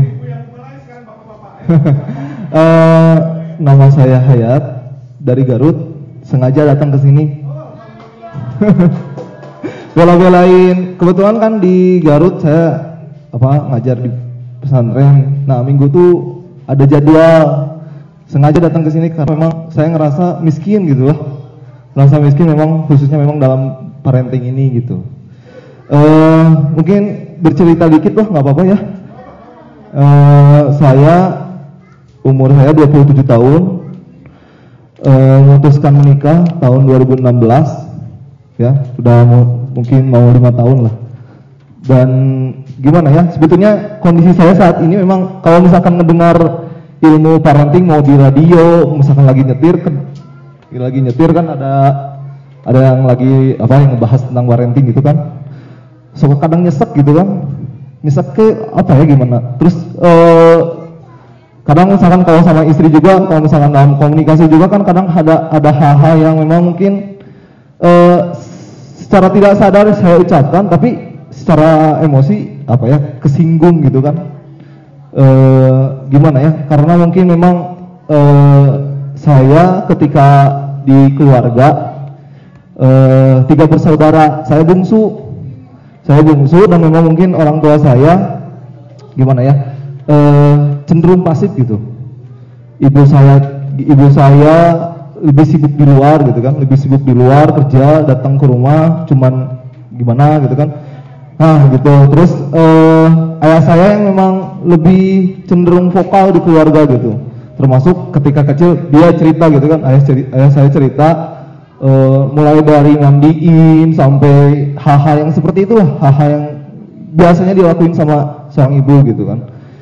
Jadi cenderung kalau misalkan gimana ya kalau ngomongin masalah parenting tuh kadang nyeseknya tuh gimana ya? Kata istri saya kan kayaknya mungkin abah mah kurang mungkin kasih sayang dari seorang ibu gitu. Terus kalau misalkan komunikasi di keluarga juga kadang kan saya cenderung gimana ya eh, keras gitu. Kadang itu juga dampak ke anak-anak saya. Jadi saya kan kayak yang biasa gimana ya eh, itu anak saya yang pertama biasanya kan suka udah mulai aktif nah sama saya misalnya dilarang-larang tapi intonasinya itu yang bikin ya itu mungkin kata kata istri saya tuh bang jangan terlalu kayak gitu dong Nah, gimana kalau bisa mah hmm, hmm, nah itu itu mungkin sama saya nggak sadar gitu ngomongnya kayak gitu. Dan memang cenderung di rumah kayak gitu dan saya juga gimana ya kalau misalkan ngomongin inner child, inner child itu ngalamin juga sama apalagi saya bungsu kata orang tua saya dimanja gitu kan dimanja tapi cenderung kalau misalkan ada masalah semuanya ditumpahin ke saya. Gitu. Jadi kadang kalau misalkan ada sebuah emosi yang memang belum terluapkan gitu.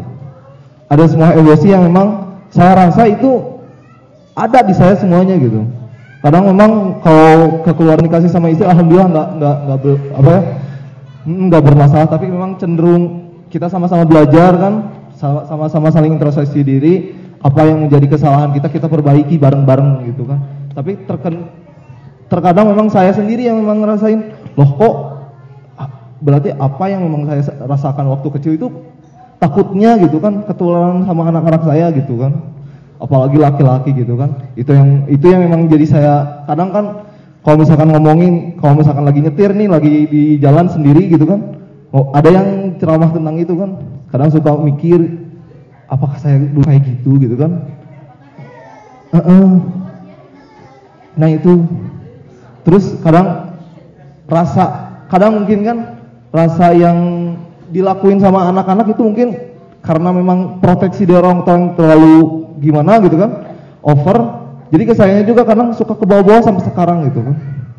Gitu kan kadang misalkan lamun lagi suka apa nih misalkan lagi tren apa nih kadang-kadang suka saya kayak gitu gitu kan dan itu nggak sadar gitu. Nggak sadar banget. Nggak ada- nggak sadar. Terus kalau misalkan lagi ngobrol sama mbak kok kenapa ngomongnya kayak gitu? sama oh mungkin kayaknya mah dulu gitu kan. Dan memang sekarang juga kondisinya kan eh, apalagi ketika kakak saya yang kedua duluan pergi gitu kan. Duluan pergi eh, jadi posisinya di rumah tuh cuman sendiri gitu. Orang tua tuh jadi akhirnya karena memang keterbatasan gimana ya karena mungkin saya eh, menghormati orang tua saya gitu akhirnya memutuskan gimana mi kalau misalkan kita eh, tinggal dulu sama orang tua kita gitu. Dan itu di situ juga kadang gitu kan kadang saya suka beda sama orang tua saya apalagi ibu saya gitu kan. Eh, bahkan itu juga jadi ngaruh ke anak saya gitu. Jadi jangan kalau misalkan nyuruh apa-apa sama neneknya gitu kan gak mau. Bahkan sampai pernah saya lihat mukul-mukul ah sampai segitunya? Ada apa gitu. Ya itu mungkin yang ingin saya ungkapkan. Dan memang kondisi saya gimana ya? Kalau ini sebetulnya cerita ini tuh memang kondisinya nyesek gitu. Agak nyesek gitu. Dari tadi juga sebetulnya dari pas ketika datang ke sini Bu ngobrol sama Pak Dian juga Pak Dandi ya ngobrol sebetulnya ada rasa yang ingin saya luapkan gitu. Sebetulnya. Makanya ketika ada usul buat para ayah yang mau terapi sebetulnya saya betul-betul pengen banget ya. Terus ketika memang istri saya juga ngobrol tentang sana katanya enak di terapi, oh iya boleh ya tuh. Saya gitu kan. Abah juga pengen lah gimana caranya biar bisa ya eh, gimana caranya supaya bisa memutus rantai itu gitu. Bisa memutus rantai itu dan saya nggak mau ketika memang eh, anak-anak saya memang jadi apa ya jadi jadi ketularan hal-hal yang buruk dari saya gitu. Nah itu mungkin. Hatur nuhun Akang luar biasa sekali. Jadi ya itu memang eh, karena membesarkan itu kan pasangan ya. Suami dan istri ya. Dua-duanya akan berperan dalam membesarkan anak. Nah, ketika kita ingin memperbaiki generasi selanjutnya, maka dua-duanya harus berperan. Gimana ceritanya kalau ternyata salah satu dari pihak ternyata memiliki hal-hal yang mengganggu ya, berupa inner child kah, berupa amarah-amarah di masa lalu gitu ya, atau kecemasan-kecemasan yang intinya adalah membuat emosinya menjadi tidak stabil gitu ya.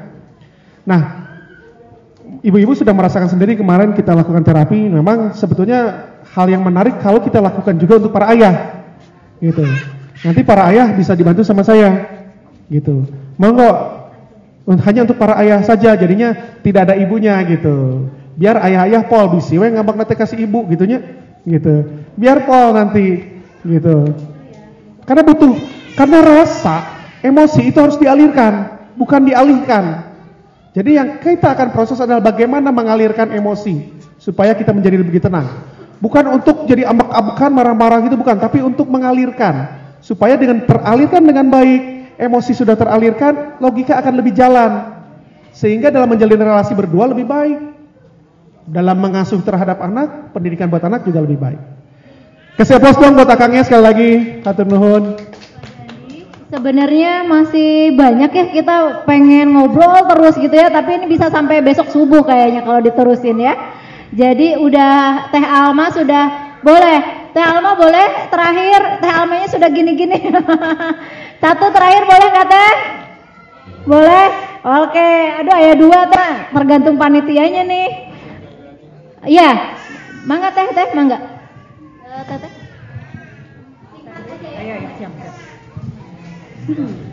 Bismillahirrahmanirrahim. Assalamualaikum warahmatullahi wabarakatuh.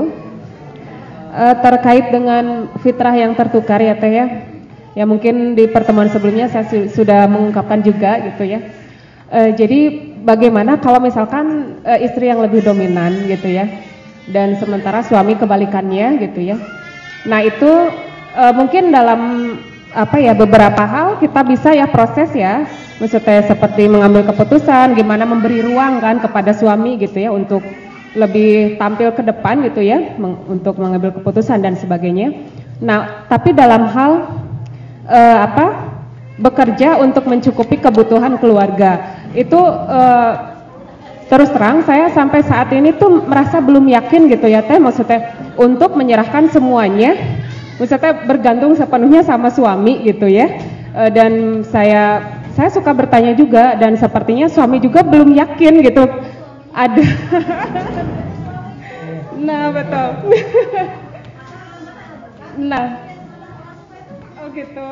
Nah enggak. Yang saya tanya teh kan gini yang jadi saya tuh masih bingung satu sisi saya kan pernah mendengar juga bahwa eh, tidak apa-apa seorang eh, istri mem- eh, membantu suami gitu ya dengan diniatkan sodakoh. Itu kan maksudnya maksudnya sodakoh ya itu. Tapi satu sisi saya mendengar teori yang 100% eh, rizki itu ada di suami sekalipun istri bekerja. Dan ah, ketika misalkan nanti istri eh, apa off aja ya eh, tidak bekerja itu nanti suami aja yang bekerja itu akan terpenuhi gitu ya 100% nah itu saya masih bingung gitu ya eh, antara yang satu tadi ya eh, dengan yang eh, yang kedua begitu ilmu yang kedua. Itu. Nah bagaimana sih teh pandangan psikologisnya gitu? Ketika istri tetap tidak apa ya memang dari dulu sudah terbiasa gitu nggak bisa juga harus misalkan eh, 100% eh, pas berkarya tidak ya terlibat gitu ya bekerja. Kalau untuk saat ini eh, memang saya tidak apa sih tidak enjoy juga sebenarnya ya sama pekerjaan yang sekarang. Eh, jadi saya lebih ke maksudnya nantinya ke depannya oke resign sama yang sekarang karena saya memang eh, sepertinya tidak enjoy saya bukan di sana tapi saya ingin mengembangkan bakat saya eh, potensi saya ingin menggali itu. Jadi berkarya tapi sesuai dengan potensi saya itu ke depannya. Itu aja sih teh. Makasih tentang bagaimana fitrah yang tertukar. Eh, sebenarnya satu hal yang harus disyukuri kalau suami masih menjalankan peran mencari nafkah, itu masih ada kebaikan di suami ya. Nah kita syukuri dulu, kita ekspresikan rasa syukurnya. Makasih ya Kang, tadi kalau kritik sandwich ya, selama ini udah mencari nafkah, selama ini udah menyokong semua kebutuhan keluarga. Nuhun eh akang lah segala macam lah kita lambungkan. Padahal untuk akhirnya nanti dijatuhkan juga ya. Kang nah tapi kang saya teh belajar. Kalau ke suami kan gitu saya teh belajar fitrah ayah bunda. Ternyata peran-perannya teh banyak banget bukan mencari nafkah aja. Ternyata kang ada tujuh peran lagi. Apa? Menciptakan tadi ya membangun misi keluarga. Lalu juga ternyata ada juga tentang e, membangun bagaimana sistem ego gitu ya. Dan semualah ada di itu itu putaran-putarannya delapan peran. Kalau ternyata seorang istri menjalankan peran keayahan dan banyaknya peran keayahan itu kan problem solver gitu yang memeras otak nah yakinlah fe femininitas atau fitrah bunda dari istri kita yakinlah akan tergerus efeknya apa satu dia akan stres tersendiri stres itu akan menular ke anak-anak yang diasuh gitu. Karena biasa kan fitrahnya adalah di sini sebenarnya dia itu kekuatannya, tapi yang diasah sini jadi ngebul gitu. Karena peran ayah itu memang menuntut problem solver gitu. Nah itu disadarin. Tapi nanti juga prosesnya ini nggak mudah juga. Harus legowo loh. Istri yang biasa komen, yang biasa dia berkarya, begitu dia betul-betul ditempatkan ke fitrahnya, itu juga tantangannya luar biasa. Katakanlah si suami sudah mengambil delapan peran. Maukah dengan ridho dan legowo mengambil delapan peran sementara karir di rumah tangga tidak ada penghargaan tertentu. 24 jam dunia tanpa titik, di situ juga tidak ada karir pet. Banyak akhirnya juga sebenarnya. Tantangannya lebih banyak teh daripada 8 jam di office hour. Itu juga luar biasa. Jangan sampai suami sudah seperti itu istri ternyata shock juga menjalankan 8 peran mitra jadi salinglah bersinergi dialog dulu aja. Tapi bertahap waduh Masya Allah. Siapa sayang? Jatuh? Oh nyari. Ya. Oke saya selesaikan ya. Jadi dialog aja. Dan itu bertahap. Kalau istri kan parenting gitu ya dengan banyak konsep itu membuat jadi melambung terlalu tinggi. Sementara realitas seperti ini akhirnya gapnya terlalu tinggi kita semakin stres. Kita kelola. Syukuri yang ada hanya satu peran, Kang mana lagi yang peran paling utama. Yang peran paling urgent adalah satu sebagai konsultan buat istri, kedua adalah mendidik anak, yaitu di mana kalau fitrah keimanan seorang bunda adalah menyiapkan wilayah hati anak di enam tahun awal Sedangkan seorang ayah wilayah akidahnya, keimanan itu yang urgent. Satu konsultan buat bunda, kedua adalah isi peran mendidik anak dalam fitrah keimanan. Itu yang urgent buat ayah. Selain mencari nafkah, yang lain ngikutin, insya Allah. Gitu ya? Oke, nuhun. Teh sak, eh, sekedik teh, singkat aja teh sini teh. Bilih nanti kak impi-impi ya teteh ya.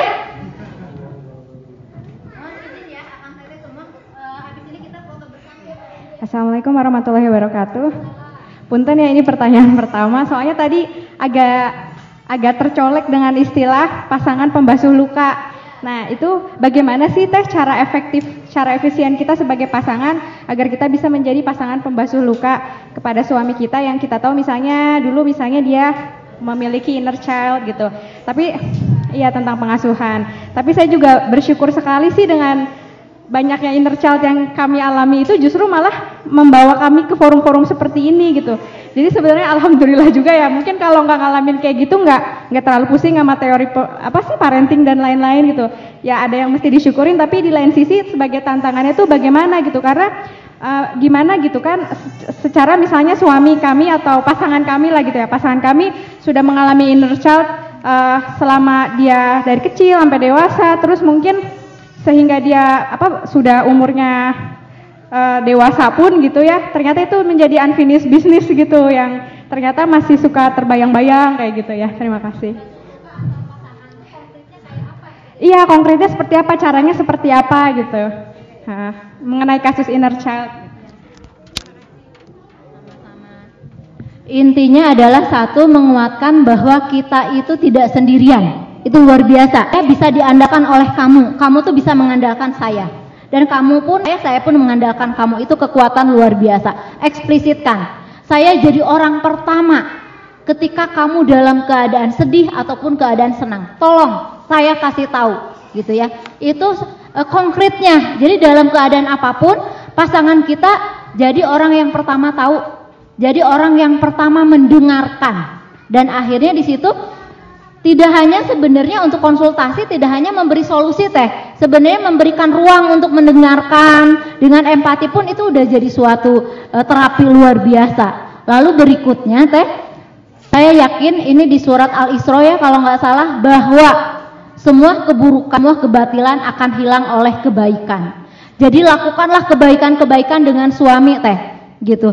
Jadi saling mengasihi, saling menghargai, lalu lakukan peran kebersamaan yang akan menonjolkan peran Akang dan Teteh bareng. Kita bikin proyek apa? Proyek kebaikan apa yang bisa kita lakukan? Di mana itu ada warna kamu, ada warna saya. Kita bikin proyek kita. Ketika kita bermanfaat memberikan itu pembasuhan luar biasa. Berikanlah proyek yang bisa katakanlah misalnya ke panti asuhan, katakanlah ke panti jompo, Syukur-syukur akhirnya kebaikan yang pertama ketika kita soleh sebenarnya yang hak pertama kali, yang berhak pertama kali menerima kesolehan kita adalah satu anak kita, kedua orang tua kita.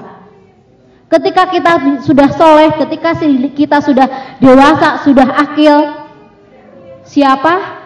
Dua pihak yang pertama untuk berhak merasakan kesolehan kita. Satu anak kita, kedua orang tua kita gitu ya itu tandanya bahwa ternyata inner child kita sudah finish dan akhirnya jadi hadiah bukan musibah ya dari saya cukup kita lanjutin oh na- nambahin sambil ditutup aja ya Pak Dandi ya Siap. Nambahin aja nih teh. Tadi yang terkait dengan Bu Diah bilang bahwa berikan ruang pengaliran. Buat kedua belah pihak ya. Teteh bisa mengalirkan ke akangnya, akang pun bisa mengalirkan ke tetehnya gitu ya. Karena gini Pak, terkadang ibu-ibu itu tidak harus dikasih solusi. Cukup didengarkan. Orang yang ngomong, oh iya, oh gitu, aduh. Oh iya, usapan. Nggak perlu dikasih tahu peluk gitu. Kadang-kadang nggak dikasih solusi tapi dia udah rilis. Nyaman dia. Itu satu gitu. Bapak pun bisa seperti itu gitu. Saya kayak sama Teh Dian nih suka gini. Tahu capek gitu ya, misalkan dia lagi kesel, saya kesel. Tapi keselnya bukan kesal yang satu sama lain, mungkin keselnya ke yang lain. Tapi kan nggak enak kalau kita berkata-kata kasar gitu. Aku pengen ngobrol nih, aku akan bercerita, aku pengen ruang pengaliran. Kita ada ada ada istilah itu, kami berdua. Sok atuh cerita. Nanti dia bercerita ke saya. Ini kalau bahasa pengaliran aku nih, ibaratkan aku lagi di, di terapi nih. Kata-kata ini yang ingin aku keluarkan.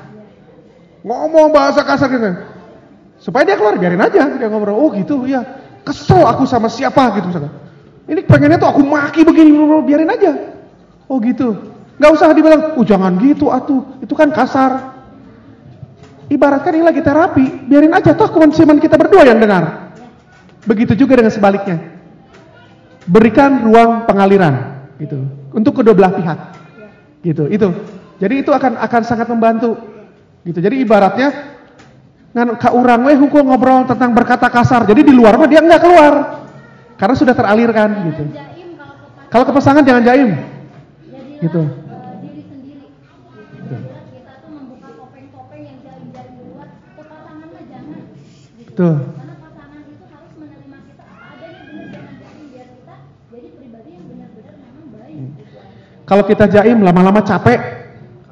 Menjaga kita sebagai orang yang sangat baik luar biasa lama-lama tidak capek atau kita. Aku tuh pengen nunjukin sabar wae, sabar wae da urang gak ya keheulna gitu misalnya gitu dah. Gitu ya. Tadi kan Bapak bersabar gitu. Kan ada kesalnya juga suatu saat gitu. Ibaratnya Bapak lagi nabung satu liter, dua liter, lama-lama begitu penuh, siapa pun yang menjadi pemantik ikut meledak tuh. Gitu. Jadi semuanya meledak. Gitu.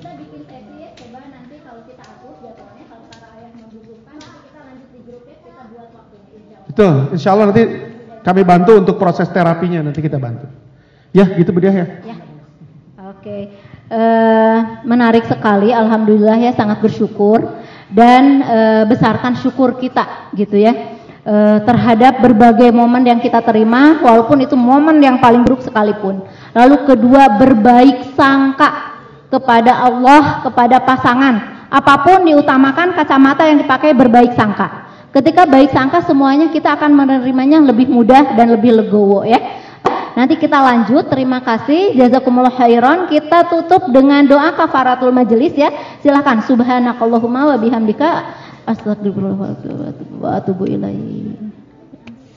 Alhamdulillah. Wassalamualaikum warahmatullahi wabarakatuh. Terima kasih. Selamat jalan kembali ke rumah dengan e, membawa bekal baru, dengan membawa energi baru, spirit baru ya.